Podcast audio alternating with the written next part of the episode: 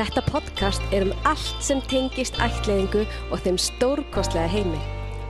Svandís Siguradóttir og maðurinn hennar Jóhann Már Andersen fóru til Tjekklands í miðji COVID að sækja strákinn sinn sem var þá hjá fóstufjölskyldu. Hún segir frá þeirra ættleiðingar sögu og það var mjög áhugavert að heyra hvernig aðlögun fyrir fram þegar maður ættleir frá fóstufjölskyldu. Hún segir frá í mikilli innlagni frá móðurhlutverkinu, áskorun sem fóreldrar ættleitra barna er að takast á við og margt fleira. Svandís er málastjóri hjá Geðhelsuteimi HSU og ráðgjafi í samfræði þjónustu barna. Hún er stjórn íslenskar ættlengar og Svandís verðu hjartalega velkomin til mín í spjall. Takk fyrir. Og ég verður svona eins og ég sé Ég verður eins og ég sé um smá í kvítuðinni bara. Já, eiginlega, erum svolítið kvítiskonnar. Nei, hérna, við ætlum að tala um allt ferðalagið ykkar Já. og svona hvernig þið eignust ykkar ógæðsla sætastrák. Sjúklega sætur. Jésús minn, mm -hmm. fallegur. Oh. Já, ég heiti Svandís og er gift Jóa og við erum búin að vera saman frá 2006 með kannski smá pásu þegar ég var svona tvítug en við tökum það eiginlega ekki með. Nei, Um, við giftum okkur árið 2014 já, Og- ok. ég ætlaði bara svona að setja smá kynning á okkur hann er Já. sem sagt læknir sérfræðingur heimilslækningum og vinnur á spítalum á Selfossi og ég hann, já, hann vinnur semst bráðmótökunni þar og ég er málastjóri hjá geðilsuteiminu á sama stað, þannig að við vinnum saman ekki sömu deild og ráðgjafi hjá sálfræði þjónustu batna hjá sömu svo stofnun Ok, nice. ég Svona semst power couple. Já, ég veit það ekki. Já, ég helst ekki af hennum. Jú, jú, kannski einn daginn. Ég er ennþá, um, ennþá að vinni að verða sálfræðingur, þannig ég er ekki Ég var að læra þangað. Ég er búið með sem sagt grunninn Já, og á eftir að fara í master. ok. Og já, Gekkja. Já. Það kemur sér vel með ætlet börn. Já, ég fór einmitt í sálfræðinámi bara í byðinni. Já, er það? Já, Ok, nice. og held alltaf að ég myndi taka pásu og svo gerði ég það auðvitað ekki. Já, að það tók tíma. Ég er sem sagt 33 ára og Jó er færtur. Þannig að við byrjum bara fyrir að snemma að reyna eignast börn, þannig séð. Mhm. um, ég man ekki alveg hvað ár ég greintist með endometriósu Já, um, ég held ég að vera bara svona 23 ára svoleiðis. ok. Er það ekki, þú veist, það sem er legslimflakk? Jú, legslimflakkar Það er svo endometriósu ógislegt orð, þetta íslenska ég orð. Þannig að maður vil helst Já. ekki segja það.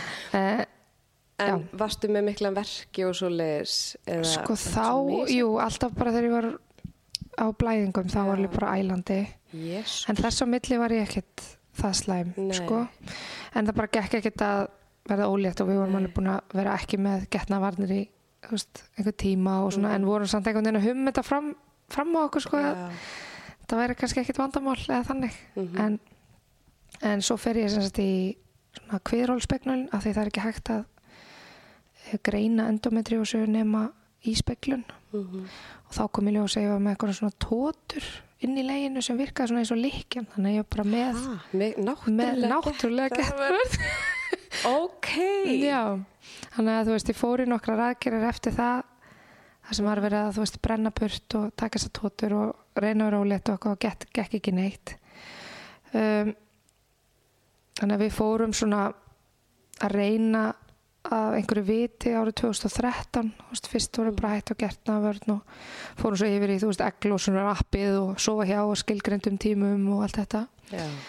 Um, þessar aðgerir átt að hjálpa til að vera ólétt en gerðist ekki við fórum einu sinni í glasafrjókun árið 2016 og það eiginlega bara rústaði legheilsunni og við ákvaðum að reyna ekkert frekar þó við ættum sko einn frostpinna og ég er eiginlega nýbúin að láta eigða honum Já, er það? já, það var svolítið erfitt þó ég sko, ég fór í legnám síðasta sumar Er það? Það Já. er ákveðin nám.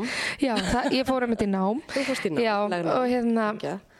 Wow. fór í legnum og þá kom í ljós að ég var með adenomjósu sem er svona vöðvanútar inn í leginu sem er raun og verið ekki hægt að sjá fyrir en að það er búið að taka legið og það opnað Wow. og svo var það fullt af góðkynni ægslum já, það, og það var eiginlega bara svolítið léttir að það hafi aldrei verið séns, sko, eða einhvern veginn, Mhm. að, að því að það voru svo margir sem voru bara reynduð bara einu sinni að fara í glasa Já. og við vorum nefnilega búin að fara sko til íslenskra ætlingar í fyrsta tíma 2015, sko, áður en við förum í raun og veru í glasa. Við vorum eiginlega komin þangað áður en Mhm. við reyndum, en einhvern veginn varði ég að klára það, Já. þú veist, að pröfa það, en já, fór sérst í lægnum síðasta. Ég var eiginlega bara, varð mjög slæm eftir ég fór í glasa, Já, bara í endrimús.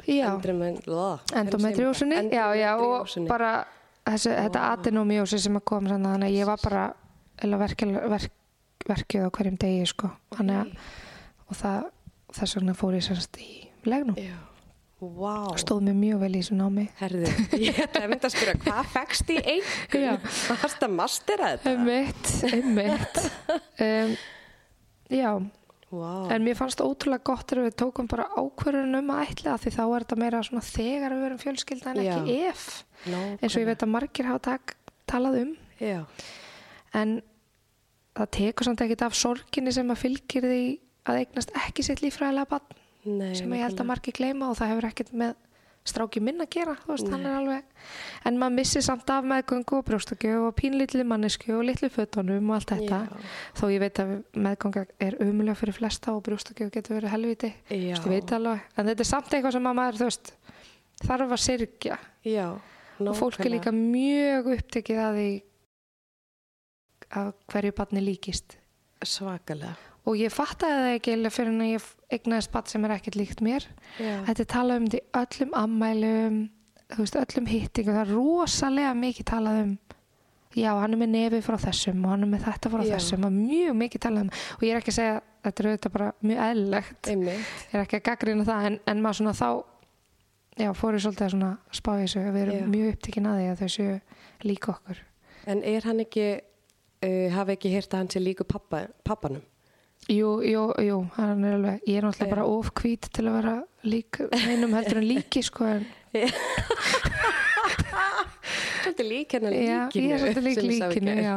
Já. En, þú veist, hérna, þeir eru alveg svipur alveg til Já. eða þannig séð, en Já, ég tengi við þetta sko því ég er svona albinói með Já, ljóst hár og já. hérna albinói, svona hvít og Já. eitthvað og, og maðurinn minn er dökkarður já, og þeir eru pínu líkir sko já, og það er, fólk er obsessed með það. Bara, þeir eru bara ógislega líkir já, en þó þeir væru það ekki þá skiptir það engum máli. Nei, nei, nei, emitt, en þú veist, jú, jú, maður skoða myndir að jú, hann er náttúrulega alveg dökkarður og, og verður alveg mjög brúnn á sömurinn og svona, en, en hérna, en það er kannski ekki alveg eftir að, ég held líka að maður taki eiginleika líka, þú veist, verða, auðvitað verða líka okkur í fasi, að þau eru alveg upp á Mjög, já.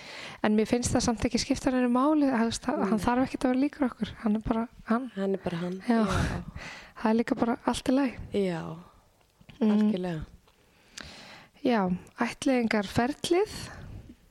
Um, pappi sem þess að deyr og krabba minni hana 2014 og bara 53 ára.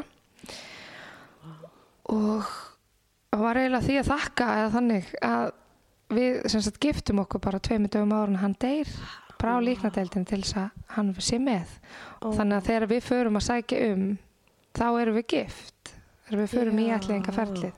Það er Annars mjög veit ég ekki hvort við höfum gert það á þeim tímpunkti, sko, þú veist, við áttum Nei. pening og veist, við höfum örgulega beðið með það lengur, sko. Já, Þannig að það var með En eftir að hann deyr þá verður allt svona batneigna tengt miklu erfiðara. Mhm. Svona, þú veist, maður er að fara eitthvað spatt sem hann hittir aldrei og þú veist, ég var náttúrulega bara 25 ára Já, og, það var svona einhvern veginn, já, setti samt svolítið í samvikið að mér bara okkur langaði rosalega mikið að eignast batn og þá ákvaði ég bara að fara um þessa leið Mhm. og reyna ekki frekar og varst bara Líffræðilega. 25 ára þegar hann deyr. Já, og Já. þegar byrjuðu í öllu þessu já, Það er rosa einmitt ungt já, Það er bara gegja já. Jói er sko sjö árum eldri en ég. Já, Hann, hann var já, aðeins eldri, 30. já, Mm, við fórum í fyrsta viðtilegana hjá Íslenska ætlingu í ágúst 2015 og fórum síðan í, á námskeiðir ætling fyrir mig Mhm. í september 2016. Og þetta var bara mjög frábært námskeið Það var ekki Svo- gaman. ég, sko, ég, þetta var samt þetta var samt svo hefði, þetta voru tveir tóltíma dagar held ég Já. Var þetta í svona út á landi? eða? nei, þetta var í hérna í gamla, þú veist það sem kofarnir eru og þar, er það ekki árbæðisafnið? Jú. Já, Jú, það var í árbæðisafninu Ha? Nei. Já, jú, þetta var í salnum þar bara Já, já, það er salurinn mitt. Já, Já, það er salur svona hvaða gamla húsi voru þið? Já, en þetta var samt fóð kósi að því það var alltaf mikið af svona gömlum sófum og eitthvað, þú veist, en, já, en maður kom samt, þú veist, það var ekki gist eins og var Nei, hjá ykkur. nei.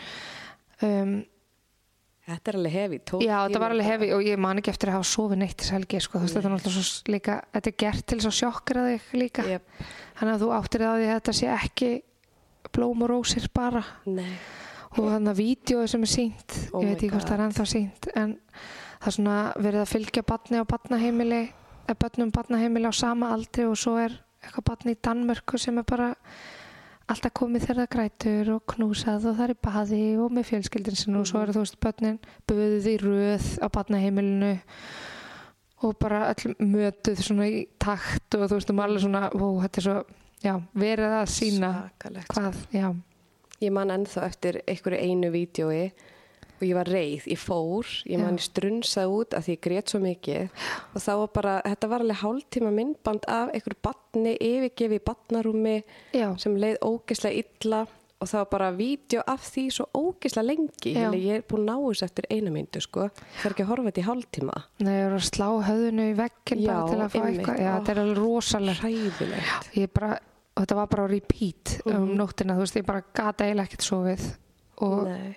Svo var maður rosalega stressað ég talaði geðveikt mikið Já, á námskeiðinni. Um, Jói, ég var að tala um við Jói gær. Jói man ekkert eftir þessu námskeiðina. nei Hann man bara eftir hananum, af því að það var hani að það sem kom alltaf þegar við vorum í mat. Það er eina sem hann man. Bara, við vorum að fara í gegnum, veist, hvernig, hvernig æsku við fengum og hvernig við ætlum að, og hann bara, nei, nei, man ekki. Þannig að Hann, já, man ekki mikið að því. Hann ætla líður mjög langu síðan þannig til að við förum, förum á þetta námskeið og þannig til við actually ætliðum. Já, byrju, þið fóruð þetta 2016, eða ekki? Já, ágúst Og- 2016 Já. og það er alveg, og svo við skilum semst inn pappirum til forsamþykis bara, bara vikunni eftir kannski september, oktober 2016 og fengum forsamþykið í júni 2017 og tók eitthvað svona hálft ár sirka. Og svo þarf maður að velja landið, eða ekki? Eða, þú veist, sækja um í landinu sem maður ætlar að sækja um? Einmitt, við hérna ákveðum mjög fljótlega að velja Tjekkland og vorum svona á svona helsta svona þeirra stefna, það var ekki byggðlisti heldur pörun og, og þegar maður las um barnaheimilin þá átti þetta að vera þannig að átti að fá einhverja eina tengingu við einhvern eitt sérstakann Mm svo náttúrulega veitum að núna að það er ekki rétt Nei, einmitt. en uh, já, en allavega var svona eins og maður skildi þetta þá og þá átti þetta að vera ótrúlega hugsað um þeirra tengsla þroska líka og Mhm. þannig að við ákveðum sérst Tjekkland og ég man ekki alveg hvernig við vorum búin að taka taka allar pappirina saman en við fengum samþykja okkar, okkar frá tekniskum yfirvöldum í nóvumber 2017 þannig bara fimm mánuðum eftir að fórsamþykja kom Já. og starfsfólk íslenska ætliðingar er náttúrulega bara indislegt og leiðir manni gegnum allt ferlið ég held ekki að þetta ekki talið e-mailina sem ég og Ragnar erum búin að senda hún er svona mest í Já. samskiptunum við og hún er bara já, með allt á hreinu og hjálpa manni bara með allt einhvern veginn Maður, sko, ég elska alla sem Mhm. eru hana. Þær eru indislegar. Já. Og þegar Kristín var náttúrulega sín tíma. já, Var hann þegar, já, já, hann var þegar þú varst, já. En sko, Ragnir er náttúrulega bara gull. Maður sendi mail og það komi hálfi sekundu setna. ég veit það og hún líka bara, hún er alltaf bara búin að vinna í þessu svo ótrúlega lengi Mhm, og þekkir alla ferla rosalega vel og, og þú veist, ef hún getur ekki svarað einhverju þá sendur hún bara fyrirspurn út og svarar mér eftir dag eða eitthvað, þannig að það er ótrúlega góð þjónusta sem er þar Alveg svakalega. En Já. við fengum síðan pörun við ímygára í lok mars 2021 þannig að byðin okkar var tæpilega þrjú og hálft ár Ok. en alveg fjögur og hálft ár frá því að við fórum á námskeið Já. byrjuðum, byrjuðum í raun og veru ferlið Það var svolítið Þrjú lung og hálft bið ár, það er svolítið margar mikið. vinkonur voru bara búin að eignast tvö börn á þessum tímubili Jésús. og það er ógislega fyrst heldur bara allir að þetta myndi gerast mjög bara strax. Já. þú veist, ömmuna fór að brjóna og við fór gerðum badnaherbyrgi sem að stóð síðan bara aukt í mörg ár breyttist í ruslerbyrgi og oh my á god meðan um byða já, ég fór í sálfræðina og sá einmitt fyrir mér að ég þurfti að taka pásu. Og ég útskrifast þess sömur 2019 og þá er hann raun og verið bara nýfættur út í heimi. Já. Þannig að þegar þú varst að útskrifast þegar ég var hann þá nýfæddur. var hann nýfættur já, Vá.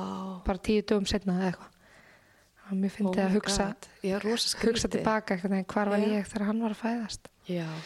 en mér fannst byðin vera erfið það var alltaf Mhm. hold þó að maður reyna að hafa það ekki á Já. Þú veist, maður, við fluttum ekki við plunum ferðalum með litlum fyrirvara og þegar ég var búið með námi þá sá ég ekki alveg fram á að geta farið í master með þetta einhvern veginn svona Mhm. yfirvofandi af því það var alltaf lengri tími búin að líða þannig að þetta hlaut að fara að gerast var Já. hugsunin skilur Þetta er alltaf bak við eira. já og lét, réð mig í vinnu og let strax vita að ég geti farið bara með litlum fyrirvara mér finnst Mhm. ekkert gott að vera einhverjum féluleik með það Nei. síðan liðu árin og það er náttúrulega svona tjekklandshópur svona byðhópur á Facebook Mhm. og þar var parað og parað og parað og mann fannst einhvern veginn sumir vera bara búin að býða mjög stutt þó að þeirra verður verið Já. löng líka en maður einhvern veginn svona já, Oh, veist, þá, þá fórum við alveg að vera svolítið svona pyrru við kerfið úti, veist, það var bara að vera að draga okkur á einhverjum astnærum eða er eitthvað í umsóknu okkar sem var ríkalegt ég kendi auðvitað Jóa um að vera umulegur í hann að blekpressuprófinu ég bara Jói, þau vilja ekki að fá fólk sem að sér bara lungu og einhver kvenkins líffæri sko hérna. þannig að hérna Vá, hvað maður verður steiktur. Ég veit það, hann bara eitthvað sorry, sá ekki neitt. Sorry, sá ekki að þú sá dansandi apa í. Einmitt, ég sá einmitt alveg bara mjög mikið. En ég held að, mér finnst eins og hann hafa sagt þetta við allar konurnar alveg bara, þú ert að sjá myndir sem ég hef aldrei séð áður. Og ég alveg, vá, geggja, svo tala ég við alveg svona fimm aðra Já, alveg, hann sagði hann fullt hann sagði hann hefði ekki séð þessa myndir, eitthvað, hann er örugglega bara að ljúa.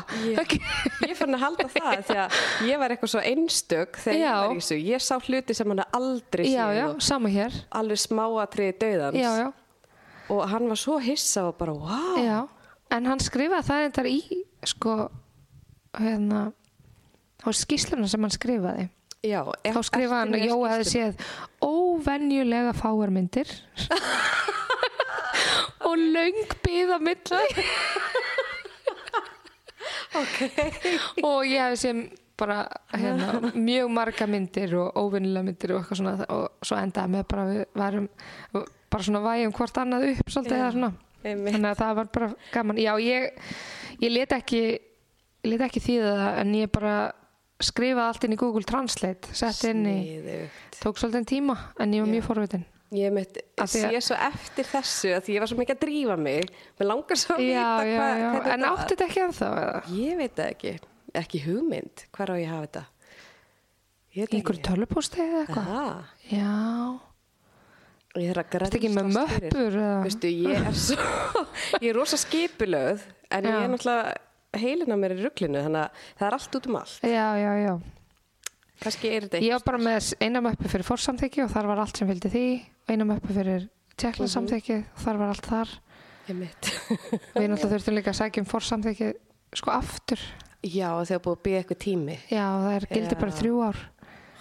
Asnan. og svo náttúrulega ef maður er búin að vera að býða í heilt ár sem sagt, á býðlistanum úti þá þarf maður alltaf að senda svona check-up eða þannig já, ef það er eitthvað búið að að breytast Vá, varst þið ekki erfitt? jú, Svona, já, og ég hugsaði líka bara svona þegar að því bara eiginlega um leið og vorum komin heim vorum við byrjuð, var byrjuð að spyrja okkur hvort við ætlum að gera þetta aftur já. og ég var bara í fyrsta lagi nenni ég ekki sagði pappi sunni aftur það ætti að vera hægt sko já, að bara, herru, ég ætla bara að sækja strax um annað og þurfa þá ekki að gera neitt. já, Eða innan við árið eitthvað. Það hefur verið sniðugt. þú mátt sko sækja um aftur sex mánuðum eftir þú kemur heim þá er og Já. fyrsta svona Það væri bara sniðugt að væri það bara allir pappirinnir bara resend. Já, já, en það breytist samt svo mikið. Þú veist, ég meina á þessum árum sem að við vorum að býða þá var náttúrulega margt sem breytist í okkar lífi. Mhm. Þannig að það, það er alveg gott að senda update, sko, Já, já. líka. Já, einmitt, já, uppdætið til Tjekkland, svo sem ég skil það mjög vel, sko. Já, Þó þetta hafa verið pyrrandi, þá er þetta mjög, þau eru náttúrulega bara er mjög andum Já, að þessi sjálfsögðu. börn sem fara úr landinu En maður er enga stund að gera þetta update. Þetta Nei, er bara er rétt nokkra setningar, sko. já, og einhverja myndir og eitthvað þið þurftu að senda vídeo eða ekki Nei, nei, það var ekki komið nei, Nei, nei. það er ekki svona tæknuvætt. nei, það var mjög skrítið en mjög krútlegt Áttu þið að senda þá updatear vídeo? nei, það var Nei. á einhverjum tímapunkti nei, það var náttúrulega eftir að við eftir að við sóttum um þið voru náttúrulega löngu búin þannig að Já. ekki verið inn í því já, þe- þegar við vorum búin að býða kannski svona tvö og hálft, þrjú ára eitthvað þá kom svona, hérna, við mættum senda semst vídeo af okkur og við alveg vídeo af okkur við bara eitthvað neina að kynna okkur eða já, þetta var mjög skrítið og við eitthvað tókum þetta bara upp inn í barnaherbygginu sem við vorum búin að búa til íttum draslinu svona aðeins til liðar og, Já. og, og vorum bara að segja frá okkur og þú veist fjölskyldinu okkar og hverfinu og eitthvað, bara eiginlega eins og maður setur í skýsluna nema Já. þeim finnst gott að sjá brandlitin á fólki Voru þá að tala á ennsku? já, já Vá. Þetta er rosa, rosa skrítið. þetta var alveg svona þetta var mjög skrítið. Og svo vorum við alveg ok hvernig við endið og þá hérna fengum við allir til að senda þetta var miði COVID. Já. fengum allir til að senda svona hérna, þú veist, allar nánustu vini og ættingi til að senda bara svona voru að vinka. Eða þannig, að við settum bara þú veist, það væri ótrúlega mikil stuðningur. Og svo settum við bara svona stutta klippur af öllum þar sem þau voru að vinka Ok, þú veist, og hérna, það er geggja. já, og stuttu setna fengum við pörurinn sko. ég veit ekki hvort að við höfum náð að selja Allir okkur svona í þessu já. Sér hvað ég er vandræðileg En nei, þetta er svo vandræðalegt. Ég myndi að syngja eitthvað bull, bara að gera söngleik. Já, þurftum að klippa þetta rosalega mikið eða þú veist, taka þetta upp oft. Reyna að vera var svo er ég bara, okkur er ég að horfa svona mikið á þig? Eitthvað, okkur er ég ekki að horfa myndalni ég var bara alltaf að stara og jóa eins og hálfviti. Já, þetta var, já, mjög. Ok, Þú er að gefa þetta út. Nei, aldrei, aldrei og sko, vinur og ættinga fengi ekki eins og sjá þetta vídeo sko. þetta var alveg, þetta var svo svo hallarslegt. og intimate líka Já. Mér finnst nógu hallarslegt að senda myndirnar uppstiltar út um allt hús. Bara eitthvað, hann er að elda. Þessi já, er að ég gera var þetta. í stóla að lesa bók. Ég líka, við vorum öll að þykjast ára sjómarfið og þetta er ríkalegt sko. Ógislega hallarslegt. Svo- svona einhvern veginn, já, vinnu minn sko sem ljósmyndari og hann kom bara og tók þessa myndir. Hann er allar mjög svona Ókei. professional eins og það séu úr einhverju svona stokkfótós Ok, næs. Það pældi hvað þið skrítið. Nefnir að taka mynda okkur, ég ætla að þykjast hell í glas og hann ætla að elda Já. eða eitthvað svona. Einmitt, já, þetta var er svolítið þannig að lesa bók fyrir prjóna svefn. eða eitthvað þetta var, þetta er mjög hallarslegt Já. en hvað gerir maður ekki Mjög, mjög skemmtilegt. Já, hvað gerir maður ekki fyrir sér? Einmitt. við hérna, já, á einhverjum tímbóti breytum við aldrinum úr 0 til 2 ára í 0 til 3 ára Já. af því okkur var sagt að það var svo mörg börn sem varu rétt orðin 2 ára þegar þau eru svona laus til ætliðingar Mhm. og við áttum alltaf vonuð að fá eldra barn og veistu, við vorum að sjá fyrir okkur að fá kannski 3 ára, eitthvað Já. svo leist þannig að rúmi sem var í barnaherbygginu var bara krakkarúm Já, svo þegar við fáum hann þá er hann ennþá bara í rimlarúmi já, litli. já, að Og hann var líka undir tveggja, eða ekki? jú, hann var bara hann 20 mánuða þegar að við fáum símtali og hann er 22 mánuða eða eitthvað sem er tæplega tveggjara fyrir þá sem eru ekki í Já, mánuðum. Ég ég var líka þegar, þegar hann ringdi já, ég er að koma fram mér um, já, þannig að betur fyrir áttu bara góðu vinni heima sem að snurði sér í IKEA og setti þetta saman með hún úti. Já, fjarlæði hitt en- en í öllir þessi byrjun alltaf kemur COVID. Já, veist, við fáum samþykki þarna 2017 svo er bara COVID komið eitthvað 2020 eða 2000, Mhm. já. Þannig að Tjekkland var miklu verð statt heldur en að við nokkuð tíman og, Já, og bara eða gefið í skinan að 2020 að það myndi ekkit gerast á þessu ári og alveg spurning með 2021 líka. Vá. þannig að við fáum okkur kvolp eins og maður gerir. Er reyna að gera gott úr þessu. Við áttum þess að tík sem að ég átt bara frá því ég var 18 ára og hún Mhm. dó semst árun áður og okkur fannst einhvern veginn hálf glata þetta hundarlausa hús þannig að þegar við fáum símtalið erum við líka bara með sjömána kjána kvolp sem við Já. að fá vinu og ættinga til þess að passa í marga mánuði Þeir eru uppáhaldsfólk. já við vorum uppáhaldsfólki um, Vá. En símtalið, ég sem sagt vann í launum á þessum tíma og vann að heiman út á COVID og þetta var 30. mars árið 2021 klukkan þrjú nákvæmlega Nó, þá ringi síminn og þetta er númer sem ég þekki ekki. Og það er mjög mikið að gera í launum akkurat þess að þetta er 30, þetta er tveimur dögum fyrir veist, já, þannig að það er mjög mikið að gera og ég bara skelli á að því að heyrist ekkert sem sagt á hinnum endanum. Já. og ég bara, æ, það er einhver bara vasarhingi með eitthvað. Svo er samanúmer hringir aftur tveim myndum setnar, setna já, ég þurfti að fletti í þessu í símanum mínu til þess að sjá að því ég myndi ekki fyrir mér liður miklu lengri tíma á milli. Já, þú meinar. já, þannig að þannig að ég heyri fyrst ekki neitt og síðan heyri ég bara er einn að labba á góðstöðunar hann að lélegt samband? Svo heyrist það ekkert og svo slitnar þetta aftur. Og ég bara, hver er þetta? Já. er, er mamma farin að lappa upp á góðstöðar og er bara eitthvað dottin og það er eitthvað kallan að reyna hjálpinni eða þú veist það var eina sem ég dætti í hug. Og ég fletti mér þess að númerinu upp og ég þekki ekki nafni hans Kristins það bara, Nei, þú veist ég er búin að vera gemsinn hans? ég heit var gemsin hans. Já. og ég var búin að vera náttúrulega að býða eftir þessu símtali í mörg ár. Einmitt. og suma daga var ég bara með síma við hliðin á mér að því ég var bara nú kem símtalið. Þú kannast örgulega við þetta. Það er bara dag er dagurinn. Dag er dagur. og svo suma daga er þetta bara ekki ofalega og þá er bara greinilega mikið að gera hjá mig ég er bara eitthvað krist, ég þekki engan krist svo sem sagt hringi síminn aftur. Já. Og þá heyri ég bara Kristín er á íslenskri ætlingu og svo slitna símtalið og ég bara, ég fæ bara gæsa húð Oh og bara hjarslátturinn á fullu ég bara, oh my god, okkur hann ringi mig okkur hann ringi mig. Og ég bara byrja að lappa út um allt hús í paniki og ringi aftur og aftur og aftur og þetta er bara nægi einhver sambandi, hann er bara ég veit, já, Já. hann er að lappa hana á góðstöðunum uh, í minningunni var ég mjög lengi að ná aftur sambandi við hann en svo sá ég símanum að það var bara mínúta en mér fannst ég lappa út um allt hús Já.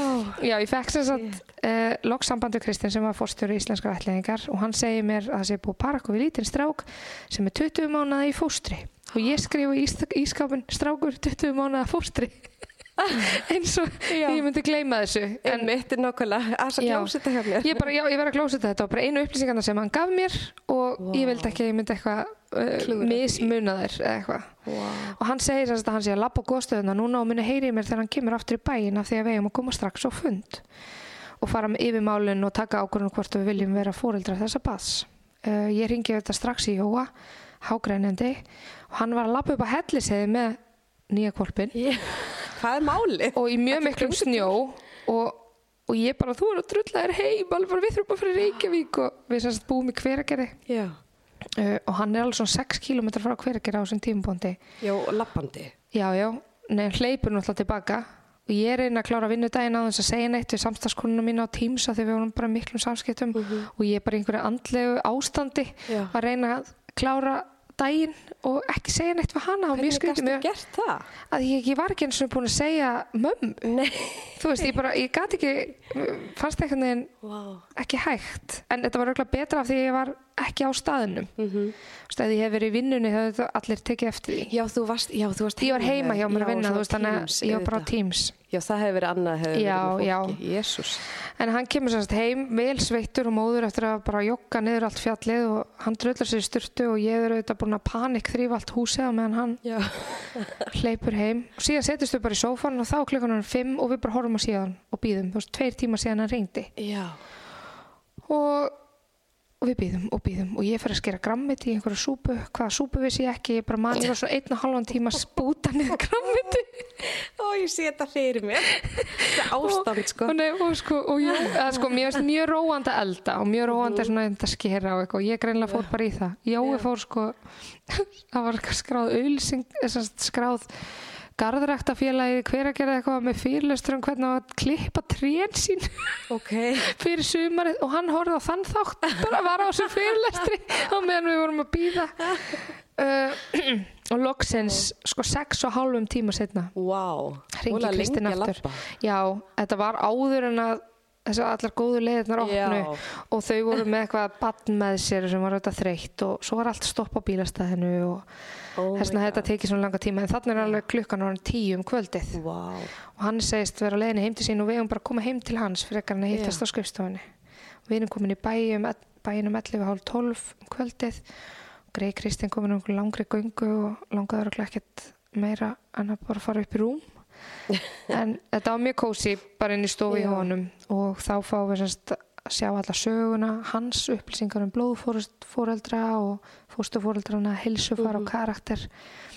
Hann hefði verið á batnaheimili fyrstu mánuðin og farið síðan til fóstufjölskyldu og við tókum ákvæðanum bara staðnum og hverjum Kristinn með lofarðum að hann ætla að senda okkur myndirnar á e-maili af því að við vorum náttúrulega ekki, sáum þar bara tölvunni og honum Já, þið ekki sáu komin með- myndir samt. Já, já um, þegar við vorum búin að segja að við varum alveg viss Mhm. eins og þú er tekið fram þá getur maður ekki séð mynd áður en maður tekur ákvörðun Nei. en já, sáum mynd lítill strákur með borvél hvernig Var fannst þér að sjá myndin. myndin af hennum? um, Varstu tilfinninguna? ég man bara að þetta var svona svo mikið spennufall Mm -hmm. að við vorum búin að býða allan daginn þetta dagurinn var eiginlega bara svona ótrúlega skrítin og ég og mér fannst hann bara ótrúlega fallegur en ég mér fannst hann ekkert vera batni mitt alveg strax sko. Það kom ekkert alveg svona eins og margir lýsa. Mm það var ekkert alveg þannig. Þú veist, mér fannst hann bara ótrúlega, ótrúlega sætur. Já. en já, það var Þetta er skrítið. Það Já. er óslega skrítið sem mynd og er orðið barnið. Já. Og bara, ok. og svo var hann svona ótrúlega mismunandi á sumu myndunum þú Mhm. veist, hann var alveg ok, þú veist hvernig er hann eiginlega ef maður hittir Já. hann þú veist, þannig að þetta var, já, mjög skrítið við förum sannst út frá Kristni og setjumst upp í bíl og erum bara í ógæslega miklu spennufalli og föttuðum að við erum ekkert búin að borða sér inn í hádeginu eða eitthvað ég gerði aldrei þessa súpu, ég skar bara í hana Oh my við God. förum á bensinstöðu og fáum eitthvað að borða og ég segi, mér langar bara að fara til mömmu hún býr sem sagt um, bara hérna í Garðabæ og við bara förum að böngum upp í henni bara þú veist, eitt hálf tvö um nóttina Já. og hún bara eitthvað, nei hæ eins og það var ókslega eðlilegt. Einmitt, var hún bara eitthvað, vil ég kaffi? Og ég alveg, mamma varst ekki sofandi eða? Jú, Oh my god. og hérna eins og það væri bara mjög eðlilegt að við varum að koma og, Já. og hérna. Ekki held ég að vera eitthvað alvarlegt að þegar klukkunni Nei, nei, ég held hún hafi bara verið svona svepprún Já. bara eitthvað, nei, hæ, haldið að vera komið morgun eða eitthvað, Oh og ég bara svona, hérna byrja að grenja og lega rétt síninni síman með mynd af strafnum og hérna, og hún segir mig, hún lýsir sér alltaf bara, þetta er eins og þegar að, þú veist, konur fara fæðingadeltan er alltaf látið vita þegar barnið er veitt Mhm. Þegar að, þó, sama hvað klukkan er einhvern veginn. Þannig að við bara förum inn hjá henni og fáum hérna, heldur við reynda bara að fengja okkur te, það var óseint fyrir kaffi. Og já, hún er svona fyrsta sem við bara segjum frá að við séum að taka Já. um, þetta var mjög krútlegt allavega. Uh, eftir mjög sveflitla nótt og þá bara vinna daginn eftir og mjög erfitt að halda fókus og við tölum við ísl- íslenska ætlaðinga aftur sem segir okkur bara aðeins að slaka á og við vorum bara strax farin að plana eitthvað en það séu mjög mikla tafur út á COVID og síðasta par sem hefði verið parað hefði þurft að býði fimm málinni frá því að fekk símtal og þangar til að móti fara út Vá. Þannig að við alveg bara ok, róum okkur aðeins og sögðum bara nánasta fólki góðu fréttinar og létum vinnuveitenda vitar, vita. Mhm. Þannig að við einhvern veginn gerðum ekki neitt þannig bara fyrst. Vildum Vá. ekki, ef að við þurftum svo að býða eins og þau í alveg fimm mánuði eitthvað, vera með allt tilbúið og. En það var mjög erfitt. En Já. við fáum síðan bara allt í einu upplýsingar um það 21. apríl, þannig bara uh, hvað, tveim, þremu vikum eftir að við fáum símtalið Já. um að það sé núlfundur eftir sex daga Ok, vá. og við þurfum að vera komin út að hýta batni eftir 14 þannig að við fáum allt í einu bara fyrst okkur slagt Já. að slaka alveg á öllu og við gerum ekki neitt þá til að bara, Bara keira allt í við gang. höfum s- mjög stöðan tíma þannig að wow. litla panikið. Eh, það áttur náttúrulega eftir að kaupa flugmiða og finna hótel í Prag eina nótt og finna íbúð í héræðina sem er fórstu fjölskyldan bjó Hvað heiti héræðir? Héræðið. uh, ég man ekki alveg hvað héræð heitir Radonice, eitthvað svo les Er það eitthvað rétt hjá Braga? rétt hjá most Rétt hjá most, já. Já. Var hann á most fyrst?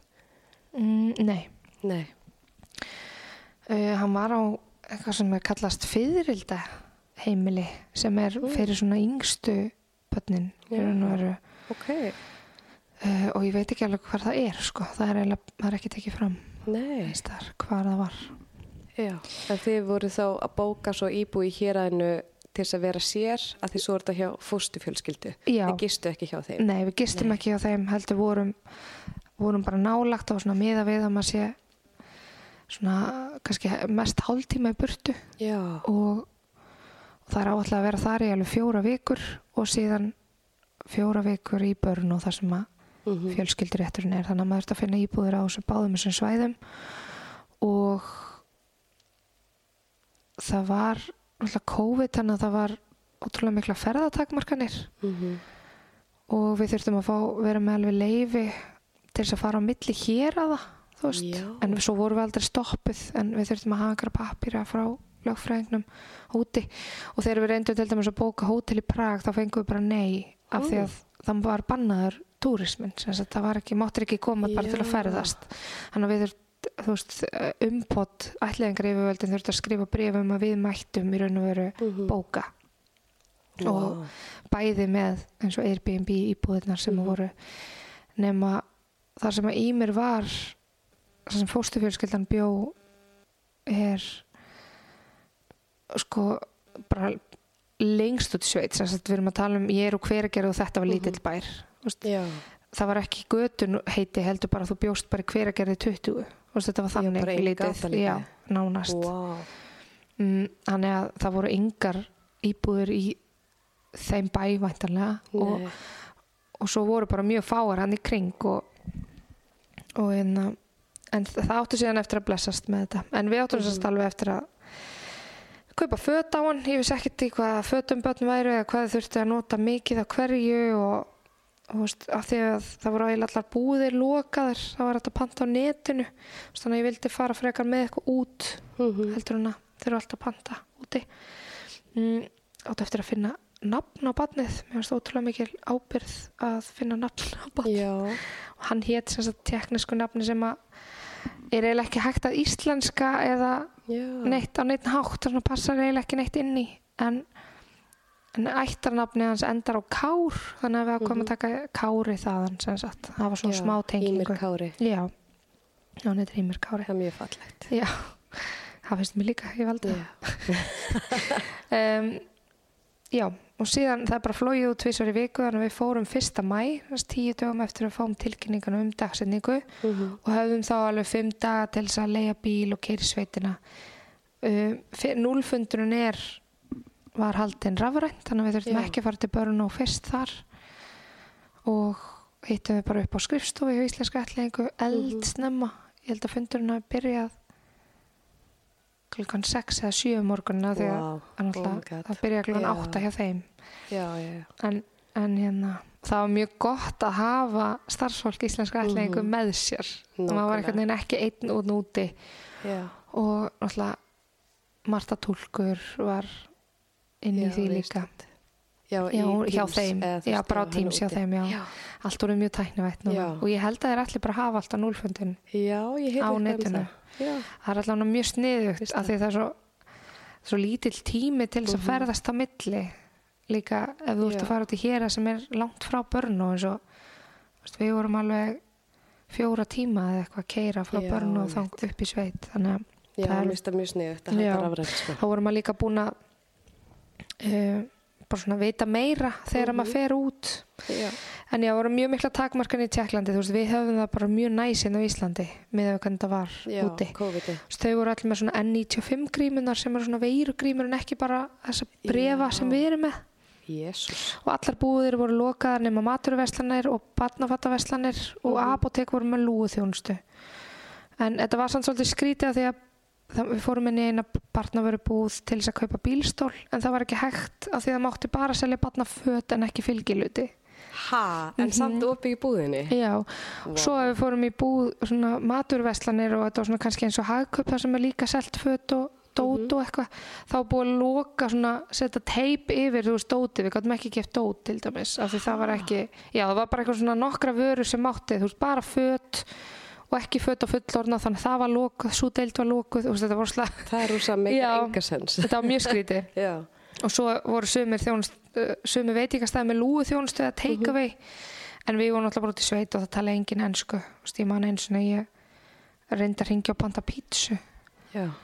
Gekka ekki vel. og var með, tek, var með teknist þú veist, ég var búin að setja í Google Translate og var alveg bara, ég ætla að fá eina pítsu bara, bara margarítu, ég ætla að hafa þetta bara eins simpul og hægt að vera. Og svo sagði hún eitthvað á móti og ég náttúrulega vissi ekki hvað hún var að segja. Og ég, uh, sorry, hún bara skellti á. Nei. við gáttum ekki panta pítsu Þið hafa líka enga þólimæði fyrir túristum, sko. nei. Þannig ég held að ég hef borðað jógurt og seriós í öll mál og Jói fann eitthvað skýr og Já. rjóma, borðaði það bara. Vá. fórum. Það var enda McDonalds í Prag Já. og í Most þannig við gátum keirt í Most og fara á McDonalds, það var næs svona á og til. Já, þá var bara lúa þannig að maður þurfti að vera með bara síman og ef þau sögðu eitthvað þá þurftu við bara ákveða hvort það veri já eða nei Já, og svo kem bara ljós hvað við fengum Þetta er svolítið áhættu sækið. já, já ma það sem maður leggur á sig fyrir McDonalds Já, nákvæmlega. Eh, við vorum með eins og margir Facebook-grúpu með helstu vinum og ættingum þar sem við Mhm. gáttum deilt ferðinni og náttúrulega má ekki setja myndir af þeim á samfélagsmiðla fyrir hann að búa að segja þessu okkar Já, nákvæmlega. Sem að mér var strandar alveg frekar erfitt einhvern veginn að geta ekki Mhm. að mér var svo gett ánæður og Ógist móttin að spendi, maður lakar bara að sína öllum. Já. Já. það var mjög erfitt Já. en aðlöfunarferðli er sannst þannig að við erum inn á fóstufjölskyldunni komum á mótnana og förum á kvöldin í alveg rúmlega viku Já. og síðan förum við að taka hann í heimsókn yfir okkar yfir daginn í okkar íbúð og fóstumamman kemur og er með okkur yfir daginn og fyrsta kvöldi sem hann sopnaði okkur þá var hún líka þar Mm. þannig að þetta er svona hægt og rólega svitsað úr því Mhm. maður er bara fyrst að leika og hún er að gera öll umurnarstörfin en hún sér um að gefa hann að borða skipta á hann leggja hann í rúmið í kvildina og allt þetta síðan svona hægt og rólega þá fyrir við að gefa hann að borða Mhm. og, og svo fyrir ég að hérna þú veist, klæða hann í náttvetin og við í raun og veru svona síðustu dagana áður en hann kemur yfir til okkar þá fer ég með hann inn í rúm þú veist og svæfa. Hann svæfa hann hjá þeim og gerir Svona- baðið og allt þetta.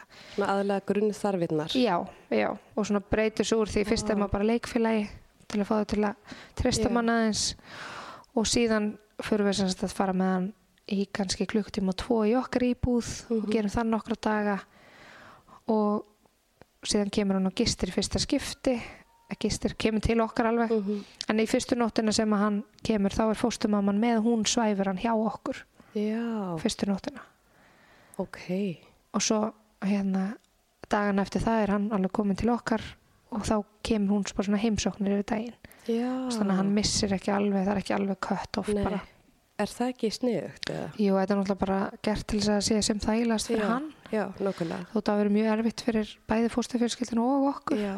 Já, örgulega ógesla skrítið. Já, En eigum að fara að síðan, þú veist, þegar við hittið hann já, fyrst. já, ég ætla að fyrst að vera við hérna að þú, þú talar ég nefnilega fylgdi þér á Snapchat þegar þú Já, fórst út. Þá var ég nýkomin inn í ferlið og ég manni með þið voru í einhverju stúdíu íbúð Mhm. þú alveg bara ekki fokkin spara, sorry, ég má ekki blóta. Jú, máli að blóta. hérna, Það var sko, heldur að hérna bara ekki spara íbúð. Við vorum gett að reyna að finna og vorum náttúrulega búin að vera að sapna pening í mörg ár þannig að það var ekki, ekki eins og það var eitthvað, eitthvað fyrirstaða þannig að við en það var bara eiginlega engar íbúður að finna Nei. út í hér, það var náttúrulega ekkert mál að finna íbúð í börn og, Mhm. en út í hér bara, og við fundum eitthvað íbúð sem var bara með geðvitt næs útisvæði og eldúsi og klósetti og svona en var samt bara eitt svefnubyggi en samt Já. ekki í sama rými þannig að það var, það var ekki alveg bara stúdíu þannig að er ok, það nice. gekk Já. nema þegar við komum þangað er þetta bara ekki eins og myndunum Nei, ok. þá var þetta sko í kjallara Ó, og þetta var greinilega bar og þetta er ennþá með bar já, ég er sko með myndir af því þetta er ógisla fyndi Oh sko my Jói er nær upp í loftið og þetta er sko bar með gerfigrassi grassi. What? Herðu. Oh my god, þetta er styrlað.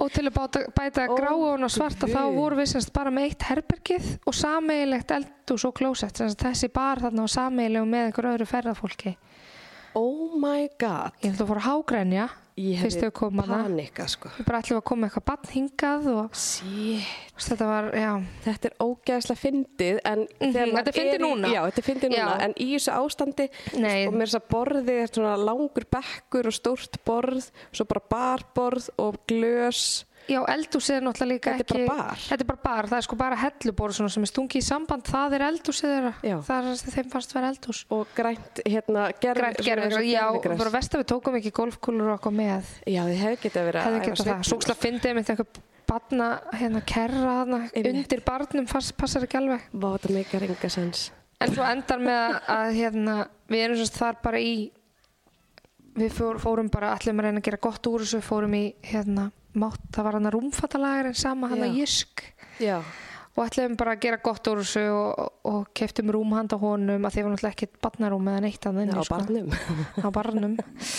Um, en fengum sem sagt fóstufóreldrarnir áttu uppkomna dóttur sem að bjó í Prag með kærstanum sínum en hún átti íbúð í Komutov sem að er um, bær sem var svona kannski 45 mínútur frá bænum þeirra þannig að þetta var svona Já. svolítið langt að fara að við vorum svo mikið að keira með strákin Mhm. þá var hérna talað um það að þetta bara var hálftími en umbútt gaf leiði fyrir og við vorum sérst í íbúðinu hennar Já. fórum í hana bara, fluttum í hana áður en hann byrjaði að koma til okkar okay, og það var bara íbúð með þú veist hún er á þriðju hæði eða eitthvað þannig að Mhm. svolítið erfitt að vera með badd sem að já, og með læti niður í gólfa því að vorum með nágranna bynd fyrir niðan já, en það var samt þú veist nóg pláss og Uh, og enduðu með í raun og veru þá að vera að borga. Við fengum ekki endugreitt fyrir hinna íbúðinu sko. nei, nei. En, en það var bara allt í læg við bara borgum þá tvær íbúðir og, já, og hérna. Það er alltaf allt betra það að vera í almennlegu dæmi sko. Við sem sagt um, komum til Tjekklands 1. mæ og áttum að hitta hann 5. mæ og við áttum að mæta klukka nýju morgunin heim til fórstufóldrana og vorum auðvitað búin að keira og finna húsið daginn áður Mhm. eins og allir. Og, um, og þegar við keirum upp á húsinu þá sjáum við sem sagt lítinn strák vera að lappa upp götuna með svona ólingstelpu og við eitthvað er þetta hann? Og þá var semst fóstisistur hans að fara með hann til ömmu þeirra á meðan semst við tölum saman við fengum ekki að sjá hann alveg strax. Já. þannig að við sáum hann bara svona meðan hann var að lappa hann í burtu. Mjög, þetta var hann sem sagt. Já þetta var hann. Oh my Og- og hérna eh, þetta var húsið sem að fóstufóreldrarnir byggu í er svona svolítið eins og eins og maður kannski sér fyrir svona breskhús sem er ótrúlega mjó og há. Já, þannig að það voru alveg fjórar hæðir eða þrjár, fjórar. Já, og ótrúlega lítil rými í hverju, þú veist, á einum stað var bara eldur svo smá stofa, svo er herbyrgi svo klósett, þú veist það er svona ótrúlega hátt og mjótt. Já, og þannig að í stofunu, eldúsinu og það sem við hittum fóstufóreldrana og það var ekkert mikið pláss. En við vorum aðna við fóstufóreldrarnir uh, félagsákjafi sem var stuðningu fyrir fóstufóreldrana svo Marta Túlkur sálfræðingur, lögfræðingur og er ég að gleyma einhverjum? Þetta er bara svaka Já, partí. það var ekkert stólar fyrir alla þetta var bara svona Nei. tróðið jésús, og hérna fyrst var bara svona talaði sálfræðingurinn um einmitt hvernig samskiptin okkar ætti að vera. Mhm, og mjög gott að hafa mört- mörtu þarna fyrst og því þau tala ekki stakt orðið í ennsku nei, og það er eiginlega svolítið gaman að því ég downloadaði einhverju svona forriti sem er eins og Google Translate nema og bara svona þægilega að maður var ekki með net. Já, og, og hérna og ég get flett upp, ég sé all, alla samræðunar okkar, mín og póstumömmunar ennþá, það seifar í raun og veru allt sem þú leitar, það er eiginlega pínu gaman. Ok, snið Af því að við töluðum saman við töluðum saman hérna alltaf bara, bara á Gegnum þessu já, þetta er ekki svona að þú talar inn nei, nei, nei, það hefur verið geðvitt næs. Nei, maður þurft að skrifa allt. Já. og suma þýðingar koma náttúrulega ekki alveg rétt út og, og sumt sem ég fattaði sko að hérna þess að nafni hans var Dushan já, og þegar hann setur það inn í það þýðir sem sagt sál sem ég vissi ekki fyrir af því hún var alltaf að tala um sálina. Já, í translitinu já, Og hans Jóns míns. Nei. Nei, ég held bara að þetta væri svona Æ, komdu inn að sáli mín. Eitthvað svona, eitthvað, eitthvað Oh nickname nema hún var bara að segja nafni hans. Já, og hérna, hann að ég, já váka þess að mjög skemmt, já mjög.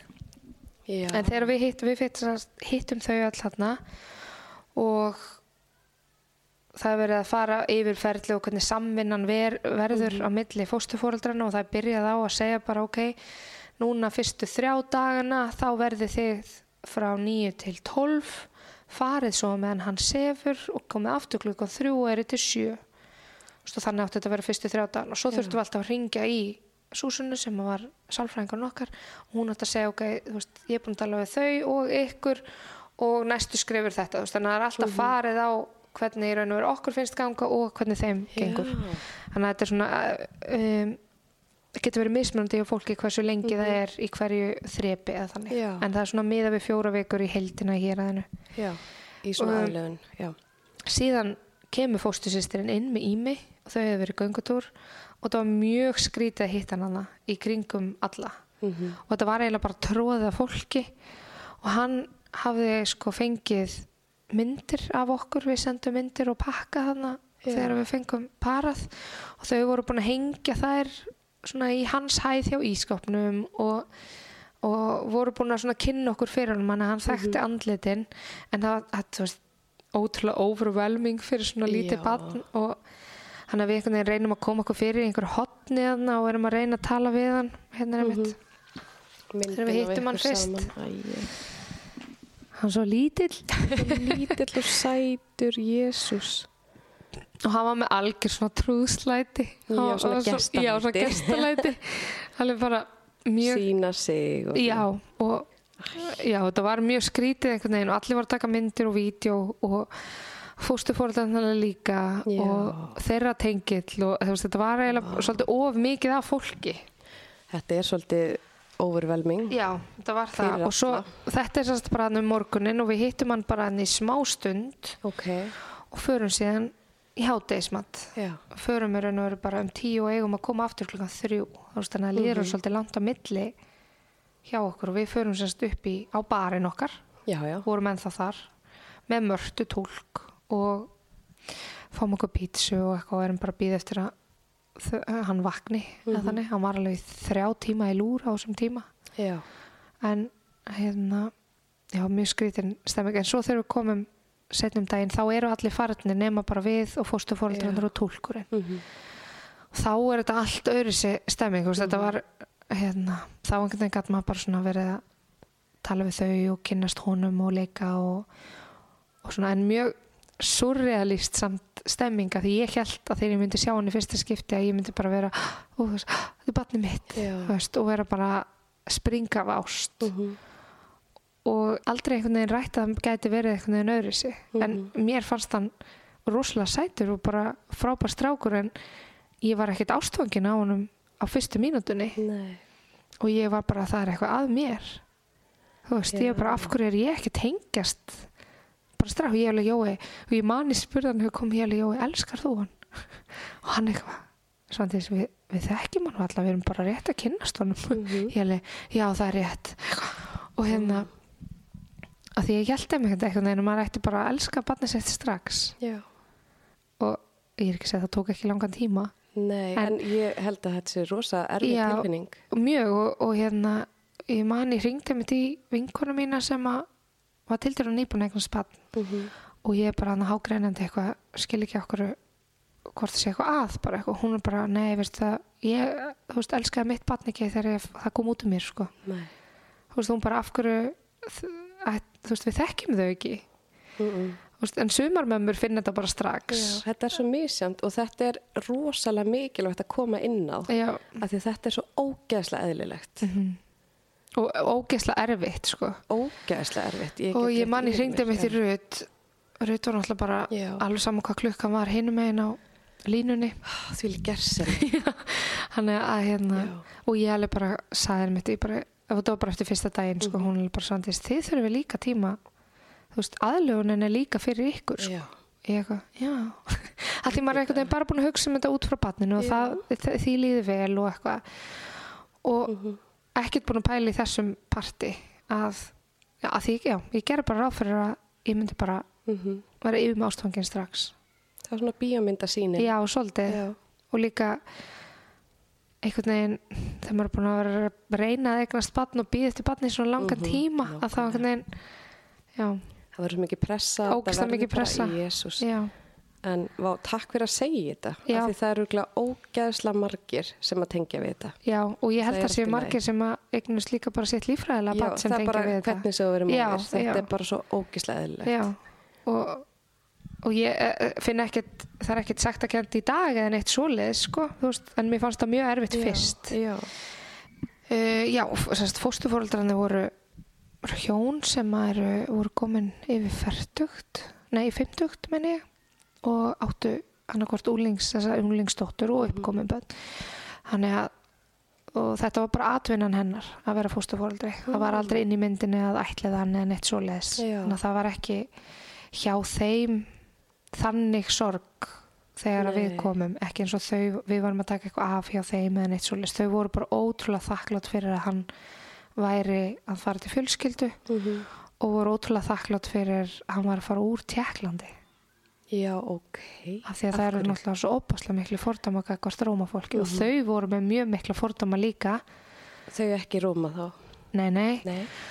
og hérna en, en það átti samt ekki við um börnin sko.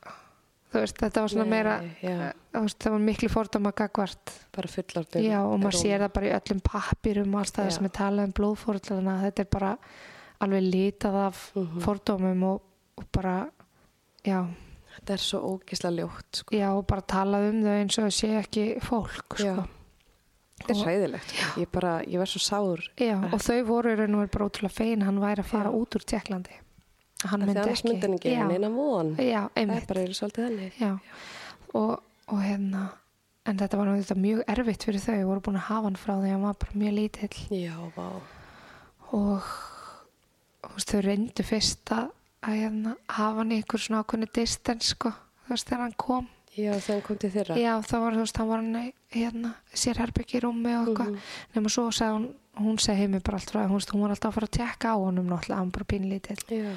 og hann var stundum bara vakandi en leti ekkit vita þegar hann alltaf kemur að batna heimilega sem Já. þeim er ekkit sinn Mhm. ef þau vakna þannig að hún henni fann svo vant að hann getur bara verið vakandi og til að láta vita þannig að hann var bara raun og veru upp í rúmi hjá þeim bara frá því hann var Vá. bara nokkra mánuða sko. Þú veist, hún tók hann bara upp í þannig að hún myndi alltaf vakna ef hann byrjaði að reyfa sig og, og, þannig, og ég er bara svo innilega þakklátt henni fyrir Mhm. hvað hún gerði og ég var búin að sko lofinni að koma tilbaka Já, með hann já, en svo deyr hún í fyrra Nei. já, hún bara greinist með krabbamenn bara stutt eftir að við förum og deyr síðan bara í fyrra Nei.